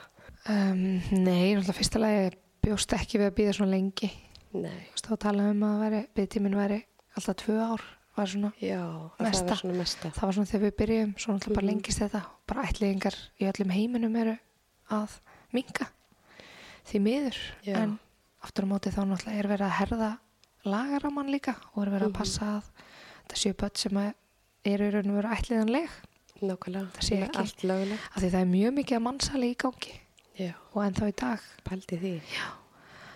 og náttúrulega bara hryllilegt að hugsa til þess og þannig að ég er í raun og veru mjög ánað með að að, að þetta sé allt á borðinu og, þetta, Mhm. og ég veit að bara þetta sé allt í lægi Já. þó að maður hafi þurft að býða svo lengi og býða svo lengi eftir honum Já. það bara alltaf læg maður sér það bara núna að ég átti bara að fá hann og, og ég Já. segi það alltaf bara við hann að hann átti bara átti alltaf að koma til okkar Mhm. Nákvæmlega. Þannig að, já, kannski það og ég er náttúrulega átti vonaði að fá batna batnaheimili. Ég var miklu undirbúin Já, fyrir. Fyrir, það. já, og búin að, ekki það er ekki hægt að lesa sér til um tengslaröskun eða þannig og vita allt um hana, það er ekki hægt. Nei. Eða þú veist, ekki fyrir að maður upplifa það, Mhm. en ég var miklu, ég var bara búin að undirbúa með fyrir Já. meiri tengsl og svo bara smellur hann í fangi á mér og er Mhm. bara mjög tengdur mér frá byrjun, sko. Sem magnað. Já, og ég átti ekki vona því og ég átti ekki vona að vera inn á okkur fólki. Þú veist, maður bara undirbúa allt öðru sér aðstæður. Mhm. Ekki það ég er mjög þakklátt fyrir þessar Já. aðstæður í dag en, en svona það sem að ég átti vona og var aðeins öðru sér. Þetta er náttúrulega að breytast núna. Nú er verið að reyna að afnema barnaheimilin Já, og hafa bara fóstur fjölskyldur Já. sem að er í rauninni betra fyrir barni upp á að tengjast já, miklu betra. svona. Þannig að Þannig þannig að að var- vonandi verður þetta bara mjög flott hjá þeim. En, en það er náttúrulega þarf að finna fóstur fóreldraðan úti. Mm og það, er ekkert allir tilbúinir að taka rómabönnin þessum fórdómum þannig að Mhm. já, ég er spennt að sjá. Og er líka bara spennt að sjá einhverja reyfingu Já, maður býður eftir því. einhverja einhverja, einhverja pörun. Já, maður sendir út í alheiminn Já. að fjölskil, fjölskyldur, ég var um að spyrja hérna hvað verður margir á byðlista já, uh, og síðast ég vissi að voru átján í, sko, á Íslandi. Mm og það eru átján sko með Tókó, Kólumbíu og Tjekklandi. já. Þannig að þú veist, gefið þessum fjölskyldum thank you. þú veist, það, já, það eru svo geggjar fóreldrarinn á Íslandi og svo góð fræðisla mm að það er alls svo vel undirbúnir. já, En fannst þér, og ég er svo, að því að mér fannst ég vera svo ógeðslega undirbúin og svo þegar ég mér fór fannst í ég miklu undirbúinur heldur en ég var Já, er það Jú. ekki? Svo þegar þú fórst í þetta og varst að upplifa þetta, bara hvað í annars sko það er að gerast hérna? sjúklega kokki með að ég var búin að undirbúin mig sjúklega vel sko. Alveg eins og ég segi það er ekki hægt að lesa um þetta og einhvern veginn vita svo hvernig þetta er sko. Nei, Já. þetta er svo mikið sjó. já, ég var búin að lesa alls konar svona therapeutic parenting Já, og eitthvað svona er maður að róa einhvern bát og reyna Já. að halda þessu gangandi og kann, kann ekki svona róa, skilja. Maður er bara eitthvað, já, já, nei, nei. ég flýt bara. en ég held líka að það sé bara svolítið fóreldar hlutverkið Já. maður heldur að maður viti hvernig þetta er Nákvæmlega sem að bara læra maður með að þóldi ekki þegar þetta var sagt við mann sko þegar maður var Ég að reyna eignast börn bara hvað þú veist ekki alveg hvernig þetta er að þau átt ekki barn og maður er eitthvað geta límyndum mér það en maður geta það samt ekki Nei, ég veit það, en þetta er pirrandi. pyrrandi og ef það eigi vinni sem eru að reyna eignast barn Já, ekki segja ekki þetta bara, Nei, þau leifiðum bara að komast að þessu Einmitt, þetta er svo sár, sárt í manni, þetta stakk mann maður bara svona. Já. ok, ég er samt að eða reyna- maður bara gata aldrei verið þreyttur af því maður átt ekki barn Já, bara svarstu til tíu, vá, þú átt ekki barn. Einmitt. Mm -hmm. I know. bara ég veit, var alveg til ég vakna klukkan sjö Já, dreymir um að vakna klukka sjö. En ég hef alveg verið þreytt áður en ég átti barn og líka eftir Já, sko. það er bara allt Ég öðruvísi. Allt Já. öðruvísi þreita. Svona þannig maður er hérna vaknar glaðu, eða oftast í glöðu geði með barninu sínu, klukka Já. fimm eða sex Já. eða hvernig það vil vakna. En þú veist, þetta er öðruvísi, fyrst mér. Já, já, mér erst allavega hana ég einhvern veginn sá ekki alveg þessi sem voru alltaf að tala um að vera vissir ekki hvað að vera að vera þreyttur Nei, auðvitað gæt maður alveg verið þreyttur Já, barn, já, sko. maður var bara að vinna gett mikið talandum ekki um að maður var að djamma alltaf helgina Ég segi það. bara mjög þreytt bara mjög þreytandi að vera alltaf á djamminu. Ég veit, spyrja. bara ég valdi þetta sjálfa eins og þú valdir að vera foreldri Nákvæmlega, þú veist, halló. uh, En hérna, uh, já, eru þið að nota therapeutic parenting eða hvernig sko ég er bara búin að taka svolítið úr mörgu Já, þú veist, ég hafði alltaf mjög mikið tíma til þess að lesa um þetta. Já, nógan tíma. Þannig að ég var búin að, og mér finnst einhvern veginn engin ein aðferð vera fullkomin. Nákvæmlega, og eins og til dæmis ég er mjög hrifin á Montessori já, en eiginlega ekki fyrir ætlit bönn nei, veistu hvað Montessori er? já, það er hann að, ég lærði það eitt tíman, ég var í hennar leikskólafræðinni. Já, sem þau bara að vera að hvetja þau til að gera mikið sjálf. Já, og sem er náttúrulega bara mjög frábært og þau geta gert, geta gert miklu meira heldur en við Mhm. gefum kredit fyrir en þegar maður er með bann sem þú ert að reyna að tengjast þá viltu, þá átt að gera meira fyrir það einmitt, og eins og til dæmis bara og þetta er mjög bara flott leið og þau geta miklu meira heldur en við höldum en líka rosalega mörg börn þeirra svona love language er acts of service veistu Já. hvað love language er? ástartungum. Já, svona, þú getur verið með mismunandi ástatungumál Já, sumir nærast mest á því að einmitt einhverju gera eitthvað fyrir mann. Sumir Já. nærast að fá einhverju litla gjafir eða einhver skrifa miða eitthvað svoleiðis. Mhm. svo er bara snerting annað. Og já, það er svona mismunandi bara hver fólk er Mhm. og hvernig það sýnir ást. Og oftast sýnir það þannig ást eins og það upplifir ást. Já, á meðan þú ert kannski maka sem að vill fá snertingu en ekki orð. Já, og þá, þú veist þess vegna er gott að vita hvað er, er ástartungumál Já. makarnir þíns Mhm. þannig að þú vitir hvernig þú sýnir honum að þú elskir hann já, en allavega ég er svona Já. komin meira í eitthvað para já, dæmi þetta er bara svolítið sexy. Og hérna en, en eins og þetta er bara mjög mörg þeirra svona þau finna ást þegar við leikum við þau og þau Mhm. gerum hluti fyrir þau og með þessu erum við svolítið að taka það af. Bara nei, þú getur þetta sjálfur, þú getur þetta sjálfur. Við erum alltaf þarna. Já. og stundum byggja þau um hjálpi hluti sem við vitum alveg að þau kunna. Mm sérstaklega ætlet börn sem að það er bara svolítið þeirra tengingu þá þannig að ég eiginlega gat ekki nota neitt úr Montessori að því það fór eiginlega á mis við Mhm. therapeutic parenting og það sem að já, maður svona er að gera hluti fyrir þau Já. og lengur heldur en þau þurfa þau eru svolítið ósjálfstæðari fyrir vikið af því að Já. maður er að gera en svo kunna þau þetta alveg Þið kunni þetta ef þið þurfa að gera þetta líka. já, já, og meina stundum kemur hann heim og fer úr úlpunum og skónum og allir stundum kemur hann heim og bara Kann það ekki. Eða þetta þykist ekki. kunna Já, eitthvað. Já. þannig að, að og það er líka bara alltaf Já, en já, ég er bara svona búin að fara fram og tilbaka í mörgum aðferðum þetta er einhvern veginn allt í bland bara hjá Já. mér en hjá ykkur. Það er líka bara blandi póka. já, Ég, þú veist, uh, lasa þessa bækur therapeutic parenting og finnst mjög margt ókslega gott. Já. Og búin að horfa þessi vídeo og allt Já. þetta. Þetta er svona trama með uppeldi. Og áfalla með þannig að þú veist, maður er að styrkja einstaklingin og byggja hann upp. En þú veist, svona útilókuna aðferðir bara farin í herbyggi, þú veist, það er náttúrulega bara alls ekki búið. Nei, og allt svona til þess að hunsa batni er alls ekki búið. Náttúrulega bara svona meira að taka hann til sín já, og hafa hann hjá sér skilur, og vera hjá batninu þegar í þessu brjálæðskostum og öllu þessu skemmtilega. Einmitt. Að vera það bara til staðar og já, og líka svona- að fara ekki einmitt, ekki fara. Og ég, einmitt það sem hefur svona hjálpa mér er sko hjálpa að fara inn í minna rými þú veist, þú veist, hjálpa að fara inn í herrans herbergi þá einmitt fer ég bara með honum já, og oft er hann að því að þegar þau eru í kasti þá þýðir ekkert að rökraða við þau. Ekki neitt. Þú verður að býða að vera komin úr þessu til þess að byrja að ræða um atvikið sem Mhm. gerðist. Þannig að mér er stótt gott bara að setjast á gólfi og ég byrja bara að lesa einhverja bók. Hann Já. er bara að öskra og ég kannski bara að lesa brunabílin eða eitthvað hvað sem þess að heita. Og ég byrja bara mjög lágt. Að lesa upp bara- að lesa upp á Já. mjög, há, mjög lágt. Þannig að hann þurfi í raun og vera að Já. niður til að heyri í mér. Og svo býði bara þá hann kemur. Mhm. svo bara klára ég bókina og ég spyrir viltu lesa aftur? Og stundum vill hann taka meira og svo ræðu við þetta. Þá segi ég bara þú veist þú veist að það má ekki lemja þegar maður er reyður þú veist og svona bara Mhm.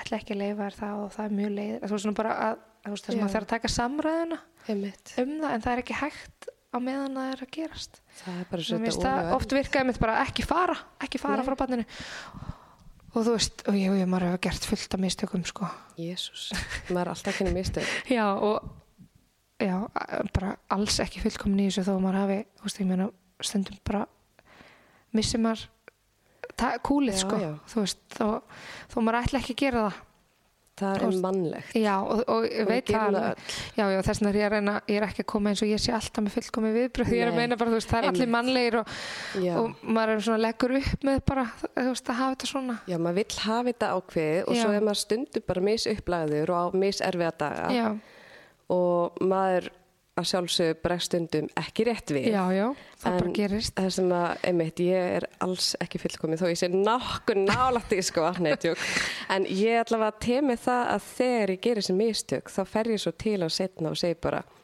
ég gerði bara mistök, ég hefði ekkert. Mm. að bregðast svona við, bara fyrir gefðu og þú veist, að kennanum að þú veist, við gerum Já. líka mistök og þá byggjast við afsökunar og þykja leðilegt sko. það er mjög gott eins og þú veist með áttara en þú veist, Ég, í svona yngri þau já. veit ekkert hvað það er að það ekki. afsökunar að maður hafi Nei, ekki sest á gólfið og haldið áfram eða þú veist verið rólegur en ég næ alltaf bara, svona oftast næ ég hugsa bara hvernig á ég að kynna honum tilfinningastjórn ef ég hef ekki stjórn á mínum tilfinningum. Já, þú veist, þannig að maður svona veginn stoppar pínu þar en, já, En það er mjög gott að vera einmitt bara til staðar og sita við hliðina á eða eitthvað og ég Já. segi alltaf bara, veist, ég er hér eða vilt koma til mín, veist, ef ég má ekki faðma eða knúsa eða eitthvað.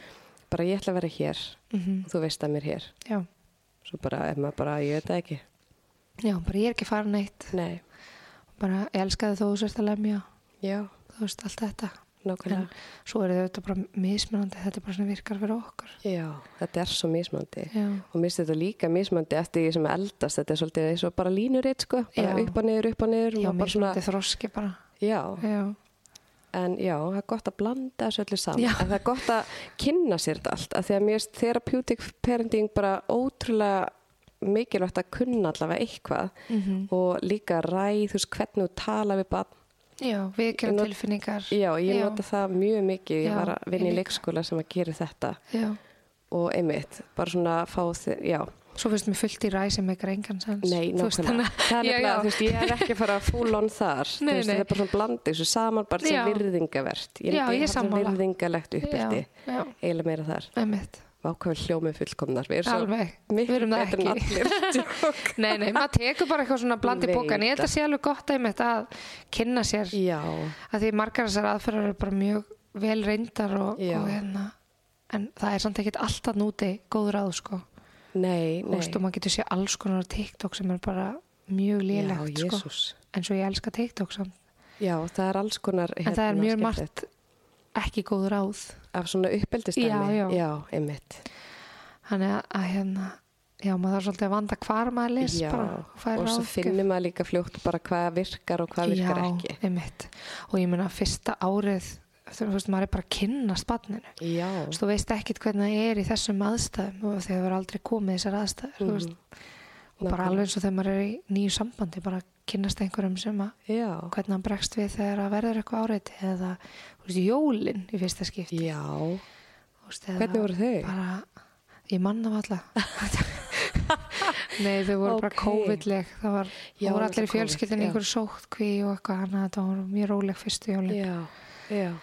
en já, bara, þú veist, einmitt, bara svona lífið og, Mm og mitt farið til útlanda. Hvernig er það í flugi og allt þetta Já, með helstu ráð fyrir komandi fóreldra líka. Ekki spariferðinni, taktu stóði í búina eins og þú ert búin að segja. Taktu Já. með USB-leikil. Já, til þess að Af því bara að þú getur stundum myndina. á barnaheimilinu, getur þú fengið myndir og þá ertu bara með USB-leikil til að setja þær á. Já, Og fóstufélskjönd, svo ég er með 5 gigabæt af myndum og myndböndum á ími. Fyrstu skrefin. Mm. Nei. Jú. vá Sem að- hvað þið eru heppin. Já, við bara með hann, all hans, allt hans fyrsta og næsta annað ár sko. Ó, geggja, það er gullkist. Ótrúlega og, og, hann, og það var svo gott einmitt að ég var bara með og vart á leiklakipinu minni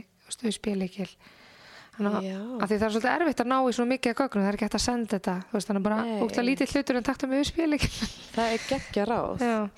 Uh, já, þetta mun allt breytast og þetta verður ekkert eins og maður heldur. Svolítið, bara getur alveg undirbúið þig eins og vilt og Já. haft möppur eins og ég er með og, en ég mæli samt alveg með því að vera mjög skipulöð í pappirum og svona, það er Já. mjög þægilegt að hafa þetta allt í og líka til þess að ge halda upp á þetta. Þú veist, Mhm. núna er ég með að hugsa hvað ég seti í svona teklandskassan, veist hvað það á maður að halda.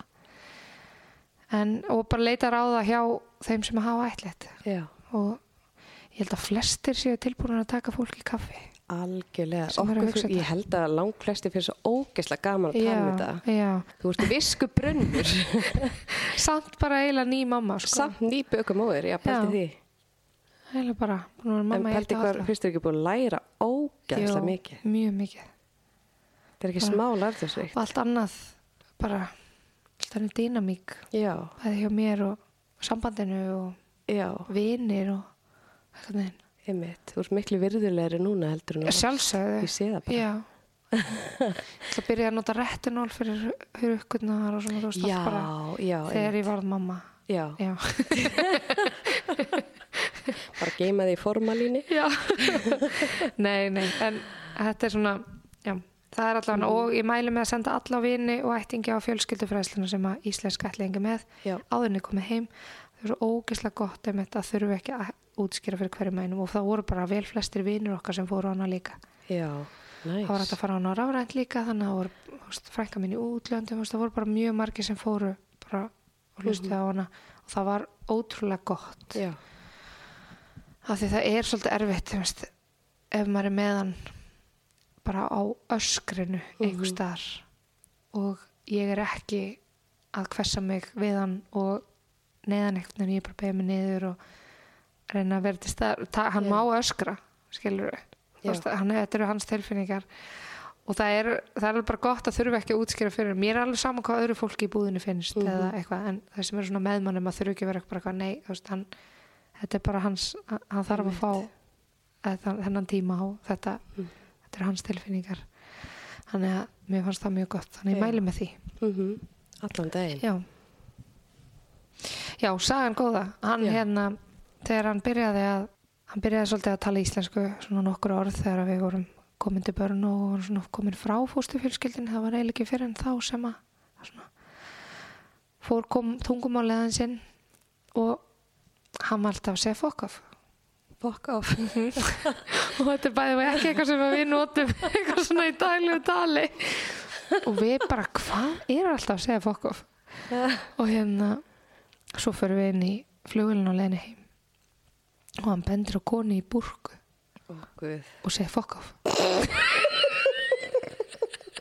Bilast. og við bara uh, sorry, sorry, ég kom og við veitum ekkert okkur um barnið að segja þessari bara örgulega góðu konu. Að, já, svo erum við að labba eitthvað staðar. Og hann bendir og segir fuck off.